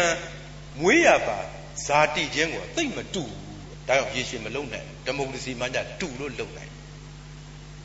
အဲ့လိုတွေ तू ကခြုံငုံသုံးသပ်ပြီးမှဒီမိုကရေစီအမြင့်တွယ်ခိုင်မာဖို့ pre condition လိုတယ်ဆိုတာလက်ခံတယ်အကုန်မပယ်ဘူးမှန်တယ်ဒါပေမဲ့ pre condition ကို autocrat တွေတိဆောက်နိုင်တဲ့အတွက်ဒီမိုကရေစီအချိန်ဆောက်ဆိုတော့မှားတယ်တပြိုင်တည်းတိဆောက်ရမယ်စောစောကကုတ်ငါးချောင်းကိုတပြိုင်တည်းမရ ဒါပေမဲ့ universalist တွေလို့အယံနော်လမ်းပေါ်ထွက်ကြလို့ဆိုပြီးအယံတော့မလုံနဲ့ radical နဲ့တော့မသွားနဲ့တပြိုင်နဲ့တော့သွားရမယ်တမိုကရေစီနောက်မှစီးပွားရေးဖွံ့ဖြိုးအောင်လုပ်မလုပ်နဲ့အကုန်တပြိုင်နဲ့သွားဒါပေမဲ့အယံမလုံနဲ့ထိမ့်ထိမ့်သိမ့်သိမ့်နဲ့ graduate ဖြည်းဖြည်းလို့ဘာကိုကြည့်ဖြည်းဖြည်းလို့ရမလဲဆို institution ကြည့်လို့ institution ကိုလျှော့ပါမော်တော်ကားလျှော့ပါနဲ့သူကဥပမာ ပေး institution တွေဟာမော်တော်ကားရဲ့ short ဘာလို့ပဲ short ဘာရဲ့တရားဝင်နာမည် shock absorber ပေါ့ shock တွေကိုစုပ်ပေးတယ်ကလေးမော်တော်ကားတစ်စီး short ဘာကောင်းရင်လမ်းကြမ်းကြမ်း speed တင်တင်စီးရတာခန့်ညင်ညင် short ဘာညံ့ရင်တော့ဒုံဒုံဒုံဒုံနဲ့သွားတော့တလောကမှပျောက်သွားတဲ့အင်းစိန်သွားတဲ့ဘိုက်ပူကားတွေနော်စီးရတယ်လို့ဖြစ်သွားအလားတူပဲ institution ကောင်းရင်ဖြစ်လာတဲ့ပြည်တွင်းပြည်ပ shock တွေကိုနော်သူက absorb လုပ်လို့ရပါတယ် ဒါကြောင့် institution ကောင်းရင် speed တင်ရ institution စကားသားမှာ speed မတင်နဲ့လျှော်ပါညက်နဲ့ကားကြီးစီးရတယ်လို့လူတွေသကောတဲ့ဇီးပူစီထိတ်လှိမ့်တယ်လို့ခံရလိမ့်မယ်အစင်မတင်ကားမှောက်သွားနိုင်အဲ့လိုသတိပေးတယ်ဒါကြောင့်တပြိုင်နဲ့တော့လို့သို့တော့ဖြည်းဖြည်းလို့ဘာကြည့်လို့လဲ institution ကြည့်လို့အထူးသဖြင့်ဟောဒီလိုအခြေအနေ900ရှိတဲ့လူအဖွဲ့စည်းဆိုရင်အချိန်မရွေး နောက်ကျောင်းပြန်တဲ့အန္တရာယ်ကြီးလို့မို့တတိကြီးကြီးထားပါခရူတာကတတိပေးတဲ့၅ချက်ကိုယ်ဆောင်ပြောသလားတော့ထင်ရပါတယ်တစ်ကစီးပွားရေးဖွံ့ဖြိုးမှုအဆင့်နှိမ့်တဲ့နိုင်ငံနှစ်ကတိုင်းပြည်ရဲ့တဏဟာတခုခုပေါ်မှာပဲအားထားနေရတယ်တိုင်ဘတ်မဖြစ်ဘူးသုံးက identity based division အမှတ်သားတရုပ် authentic identity ရှိမယ် personal identity ရှိမယ်အမှအသားအပေါ်မှာယံဖြစ်တဲ့အလေအထတွေများတဲ့လူအဖွဲ့နောက်ဘဟုဝါဒအတွေ့အကြုံသိအားနေတဲ့လူအဖွဲ့စီနောက်ဆုံးအိမ်ကြီးချင်းမှာ non democratic အထူးသဖြင့်ဒီထဲကျွန်တော်ထည့်ရေးမကောင်းလို့မရေးတာကိုအိမ်တကားဝါမှာ non democratic super power ရှိတယ်သဘောပေါက်မှာပါ non democratic super power ဆိုတော့ပေါက်စီကြီးမြင်လာတာပဲเนาะတန်ပြီးတော့အဲ့ဒီတော့ကိုယ်ဆောင်ပြောသလားအောင်းမရပါဘူးဒီလိုလူအဖွဲ့အစည်းမှာတတိကြီးကြီးထားတာအချိန်မရွေးနောက်ကျောင်းပြန်တတ်ပါတယ်အဲ့ဒီတော့ဒါကဒီ concept တွေရဲ့သဘောတဘာဝတွေကိုကျွန်တော်လက်လန်းမိတော့စုတာပါ context ကိုသွားပါခတ်တွတ်တွတ်ပဲသွားကြတာဒီအတွေ့အကြုံတွေကပြောရင် civil society နဲ့ နော် social capital အားကောင်းတဲ့လူအဖွဲ့အစည်းတွေမှာ democratization မှာလည်းမြန်မြန်ရတယ်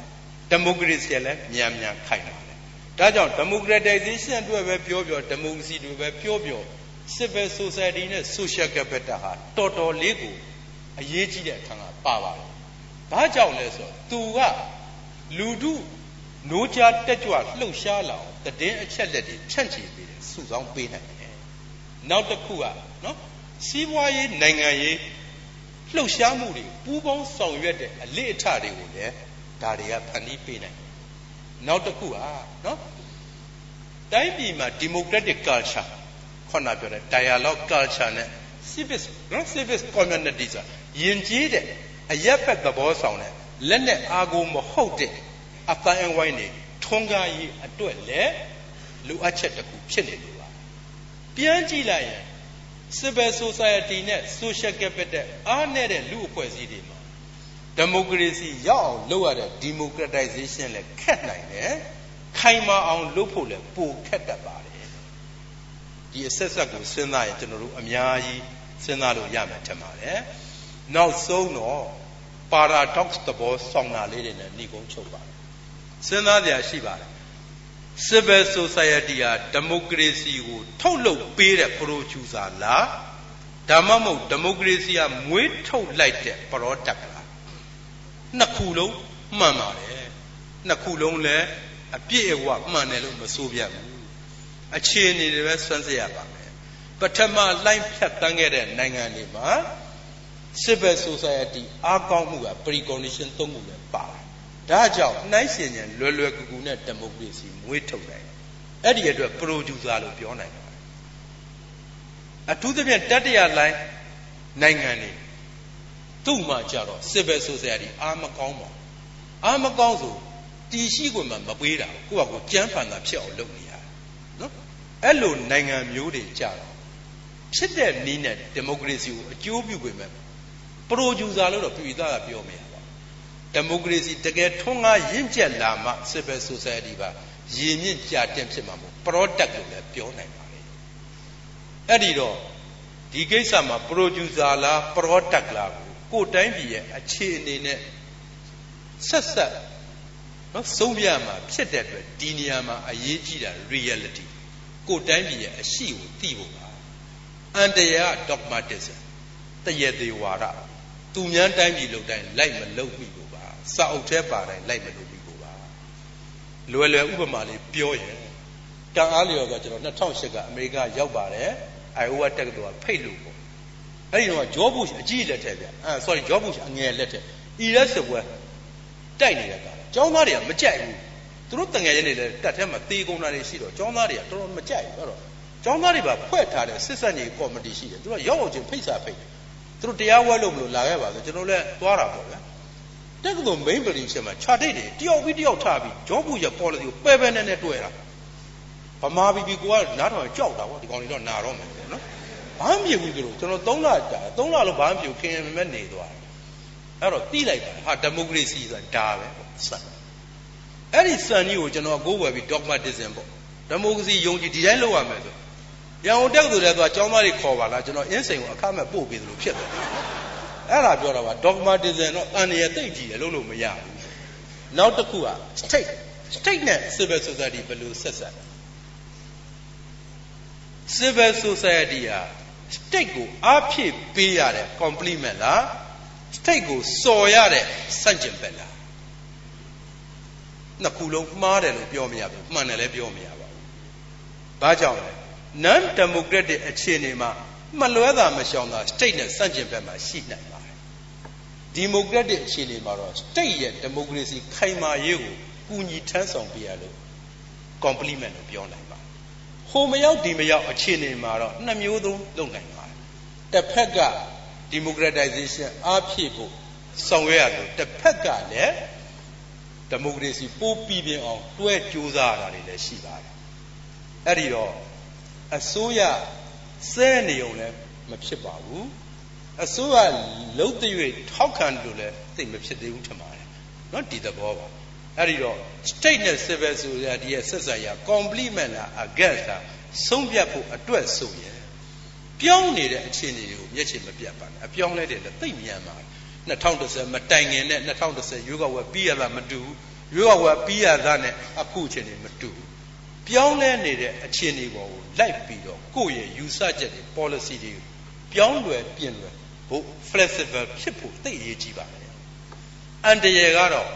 resistant အခုခံအစွဲလန်းကျွန်တော်တို့လူမျိုးကအစွဲကြီးတယ်950နဲ့ကြီးပြင်းရတော့ကျွန်တော်တို့ရဲ့ကောက်ချက်ကလူတယောက်ဟာကြီးညိုမိရင်ဆိုလဲဖျားလောင်းလို့ perfect မုံမိပြီဆိုလဲဒေဝရတ်လို့ဘာလို့လို့သုံးမရဒီအစွဲကကျွန်တော်တို့ခေါင်းထဲမှာအတိမရှိဘဲနဲ့တောင်အတိရှိရှိသော၎င်းမသိဘဲနဲ့တော့ရှိကောင်းရှိနိုင်ပါတယ် အဲ့ဒါလို့အစွဲလန်းအခုကနေနဲ့တွားလို့တော့မဖြစ်ဘူးထင်ပါတယ်ပြောင်းဖို့လိုရင်ပြောင်းရတဲ့တတ္တိနဲ့ပြောင်းနိုင်တဲ့ပညာအခံရှိဖို့လိုမဲ့ထင်ပါတယ်နော်နံပါတ်3 civil society ဟာ positive သဘောဆောင်လား negative သဘောဆောင်လား civil society တဲ့ positive ကြီးမဆောင်ပါဘူး trust က positive trust ဆို positive ဆောင်ပါတယ် negative threat ဆို negative ဆောင်ပါတယ်စောစောကပြောတဲ့ကုကလကလန်လို့နော်အခု al qaeda လို့ဟာမျိုးပေါ့အဲ့ဒီတော့ကိုကလည်း civil society တဲ့လှုပ်ရှားတော့မယ်ဆိုရင် positive ဆောင်ဖို့အတွက် trust အားကောင်းဖို့အတွက်အရေးအကြီးဆုံးဟာထောလာတဲ့စာထောလာတဲ့စာခန္တီလို့ဘာသာပြန်လို့ရပါကျွန်တော်တို့တလျှောက်လုံးနားလည်တဲ့ခန္တီဆိုတာလုံးသမျှခန္ဓာခန္တီထင်းနေမဟုတ်ပါဘူးဒါကို နိုဘယ်ဆုရဘောဂဗေဒပညာရှင်မှာပဲအမတရာစင်းကရှင်းပါခန္တီဆိုတာတဲ့ထောလာတဲ့ဆိုတာစန့်ကျင်ဘက်အယူအဆဒီအပေါ်မှာတိခံဖွင့်ပြုနိုင်တဲ့ရင့်ကျက်လို့အလွတ်မပြောပါဘူးဒီကလားကြီးကအာတောကကြောက်စာနဲ့ပြောတာအာတောကကြောက်စာနဲ့ဘာရေးထားလဲဆိုမိမိနဲ့မတူသောအယူဆမိမိမကြိုက်သောအယူဆကိုဖိနှိပ်ခြင်းချုပ်ချယ်ခြင်းနော် ခြေကလန်ထိုးခြင်းမကောင်းပြောခြင်းစသဖြင့်ပေါ့ဗျာဒါတွေဟာကိုယ်ယူဆရဲ့မခိုင်မာမှုကိုဖော်ပြတာလားဆိုတဲ့အာတောကကြောက်စာကိုကိုကပြောတာဒါကြောင့် civil society မှာ positive ဖြစ်ဖို့ပြူသဘောဆောင်ကိုထောလာတဲ့သိအရေးကြီးပါတယ်ငါနဲ့မတူငါရံသူတွားလို့မရဘူးမတူတဲ့အယူဆကိုလည်းခွင့်ပြုသင့်ပါတယ်တလေးတစားနေရာပေးသင့်ပါဒါပေမဲ့အန်တရေကတော့ radical trend radical trend ဆိုတာပုံစံမျိုးစုံနဲ့ပေါ်ပြနိုင်ပါတယ် အရင်းမြစ်ကပြောင်းကျင်တာချက်ချင်းပြောင်းကျင်တာစန့်ကျင်မဲ့ချင်းဖယ်ထုတ်ချင်တာစန့်ကျင်မဲ့အယူဆတွေကိုတီးမခံတာဒါတွေကအန်တရေပါနောက်တစ်ခု civil society က profit လား non profit လားအမြတ်အတွက်အဖွဲ့အစည်းလားအမြတ်အတွက်မဟုတ်တဲ့အဖွဲ့အစည်းလားတကယ်ဖြစ်တဲ့ဟာကအမြတ်အတွက်မဟုတ်ပါဘူးလက်တွေ့မှာအမြတ်အတွက်လည်းဖြစ်သွားတတ်ပါတယ် ။ဘာကြောင့်လဲဆိုတော့ civil society အားကောင်းဖို့ဆိုတာရန်ပုံငွေလည်းလိုပါတယ်။နိုင်ငံတကာအကူအညီရပိုးကောင်းပါတယ်။ပိုးကောင်းတာနဲ့အမြလူလည်းပြတ်တတ်ပါတယ်။နော်ဒါလည်းသိပါပါ။ဒါပေမဲ့ကျွန်တော်တို့ကအဲ့ဒီမှာလည်းနော်စဉ်းစားနိုင်ဖို့ပဲပြောတာပါအပြစ်မတင်ပါဘူးအဲ့တော့ဒီ civil society တွေနဲ့ပတ်သက်လို့နိုင်ငံတကာဖွံ့ဖြိုးရေးအကူအညီတွေကိုကာယကံမြောက်ကဘာနဲ့ချီလုပ်နေတဲ့ Jeffrey Sachs ရှိပါတယ်သူတတိပေးစကားလေးလည်းပြောကြပါသူကကုလသမဂ္ဂက ဖွံ့ဖြိုးရေးဝန်ထမ်းတွေကိုဝေဖန်တယ်ဒီလူတွေဟာတဲ့ချမ်းသာတဲ့နိုင်ငံက standard နဲ့အမွဲဆုံးနိုင်ငံမှာတွားနေကြတယ်အဲ့ဒီတော့ဒေသခံတွေအမြင်မှာသူတို့ကမိုးကြရွှေကိုတွေ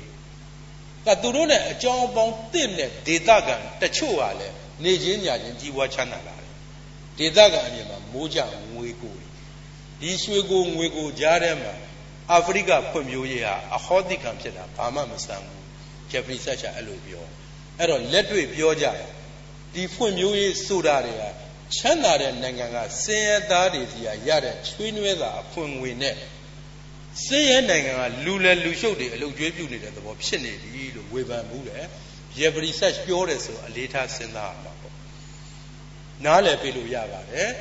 မြေစမ်းခရပြုစနေတဲ့အချိန်မှာအာနယ်ချက်တွေရှိကောင်းရှိနိုင်ပါတယ်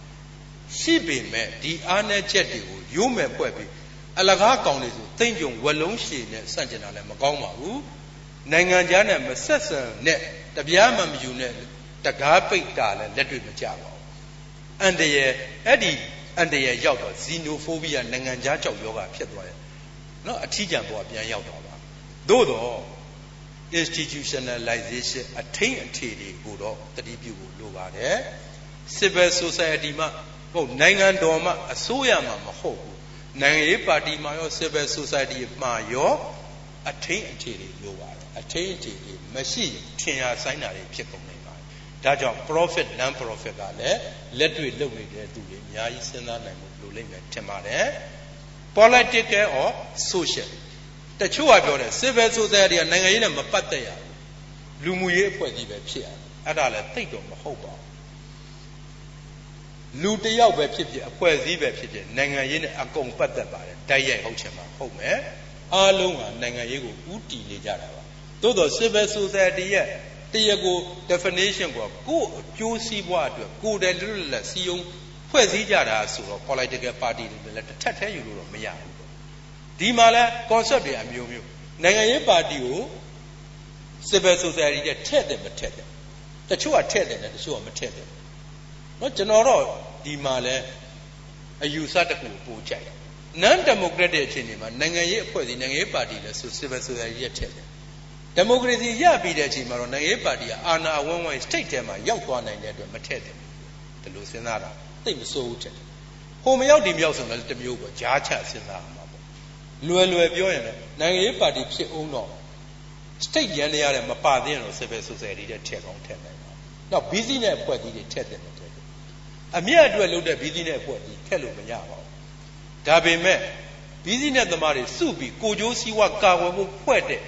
အဖွဲ့အစည်းမျိုးဥပမာ UMFCCI လို့ဒါကတော့ civil society တဲ့ထည့်တယ်နော်ဒီလိုလေးတော့ရှိပါအခုပြောချင်တာက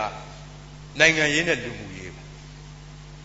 ခွဲလို့မရပါဘူးသို့တော့အလောက်ရခွဲဖို့လို့ division of labor တော့ရှိဖို့လို့နော်ဘာလို့လဲဆိုတော့မခွဲကြဘဲနဲ့ဥမာ ထားပါတော့ဗျာနော်အဖွဲ့အစည်းတစ်ခုပေါ့အဲ့ဒီအဖွဲ့အစည်းတစ်ခုကရိုးရိုးပဲ AI HME AIDS ကူညီရေးအဖွဲ့ပေါ့ဒါနိုင်ငံရေးနဲ့မဆိုင်ဘူးလေ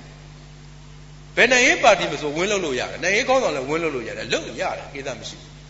နော်တခါနိုင်ငံရေးပါတီကလည်းရှိတယ်နိုင်ငံရေးပါတီကလည်းဒီလိုလုပ်ချင်လို့ပါသို့တော့သဘောတဘာဝမတူဘူးအဲ HME AIDS လုပ်တဲ့အဖွဲ့အစည်းကနိုင်ငံရေးစိုက်မှုတွေတော့သိမတင်တယ်နိုင်ငံရေးတော့ဥတီရင်ဥတီပဲပေါ့ နိုင်ငံရေးပါတီကနိုင်ငံရေးစိုက်မှုတင်တာပြဿနာမရှိဘူးနော်အဲ့ဒါဆိုလိုတာအလုတ်ခွဲခြားလုတ်ခိုင်မှုတွေတော့ရှိဖို့လိုတယ်ဒီမှာနည်းနည်းအချိန်ရရင်စကားဆက်ပြီးလို့ပြောကြမှာဖတ်ဆပ်ဗလာခေတ်က civil society တစုံတရာအားကောင်းမှုတော့ကျွန်တော်တို့နိုင်ငံမှာကမ္ဘာငြိမ်းချမ်းရေးကွန်ဂရက်ဆိုတာရှိအဲ့ဒီမှာလောက်ကြတော့ဆရာတကုံတာတို့လည်းပါတယ်နိုင်ငံရေးပါတီဘောင်းဆောင်ကလည်းပါနိုင်ငံတကာမှာလည်းဒီတိုင်းပဲသိပ္ပံပညာရှင်တွေစာပေနုပညာရှင်တွေနိုင်ငံရေးသမားတွေအကုန်ပါလို့တာဒါအရင်ဒီကားမဲ့အဖွဲ့မဟုတ်ဘူးကမ္ဘာငြိမ်းချမ်းရေး ရဖို့လုပ်တာပြည်တွင်းငြိမ်းချမ်းရေးရဖို့လုပ်တယ်အဲ့ဒီမှာ problem တက်တယ် social နီပါတီပေါ့အဲ့တော့မြေပေါ်ပမညတ်တာလက်ဝဲပါသူတို့ကလက်ဝဲယူဆစဉ်းစားတယ်လှုပ်ရှားမှုတိုင်းမှာအလူသမားလူဒန်းသားဥဆောင်အောင်ပဲဆိုတော့ဒီကမ္ဘာငြိမ်းချမ်းရေးကောင်ရက်မှာဥက္ကဋ္ဌအတွေ့အမှုနေသူတို့ကြီးယူချင်တယ်အဲ့တော့ဒဂုံတန်းကဝေဖန်တယ်ဒါမှဖြစ်တယ်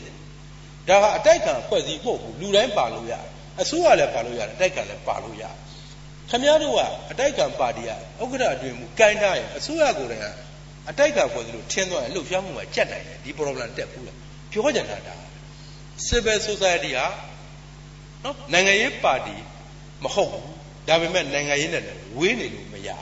ဒီသဘောပြောတာအဲ့ဒီတော့ဘာလဲဆိုတော့ကိုယ့်အဖွဲ့အစည်းကဘာလဲဆိုတဲ့အပေါ်မှာအလုတ်ခွဲခြားလုတ်ကန်မှုလိုလိမ့်မယ်ထင်ပါတယ်ဒါပြောရတာလဲကျွန်တော်တို့နိုင်ငံမှာအမှားတွေကအသစ်အစအမှားမျိုးသိမ့်မရှိ မကြုံမှုတဲ့အမှားမျိုးမှားတယ်ဆိုပညာတိုးတာပေါ့လေစိတ်ဝင်စားစရာလည်းကောင်းတယ်ခုမှားပြီးသားအမှားကြီးထပ်ထပ်ဖြစ်တာတော်တော်ဆိုးတယ်ဥပမာနော်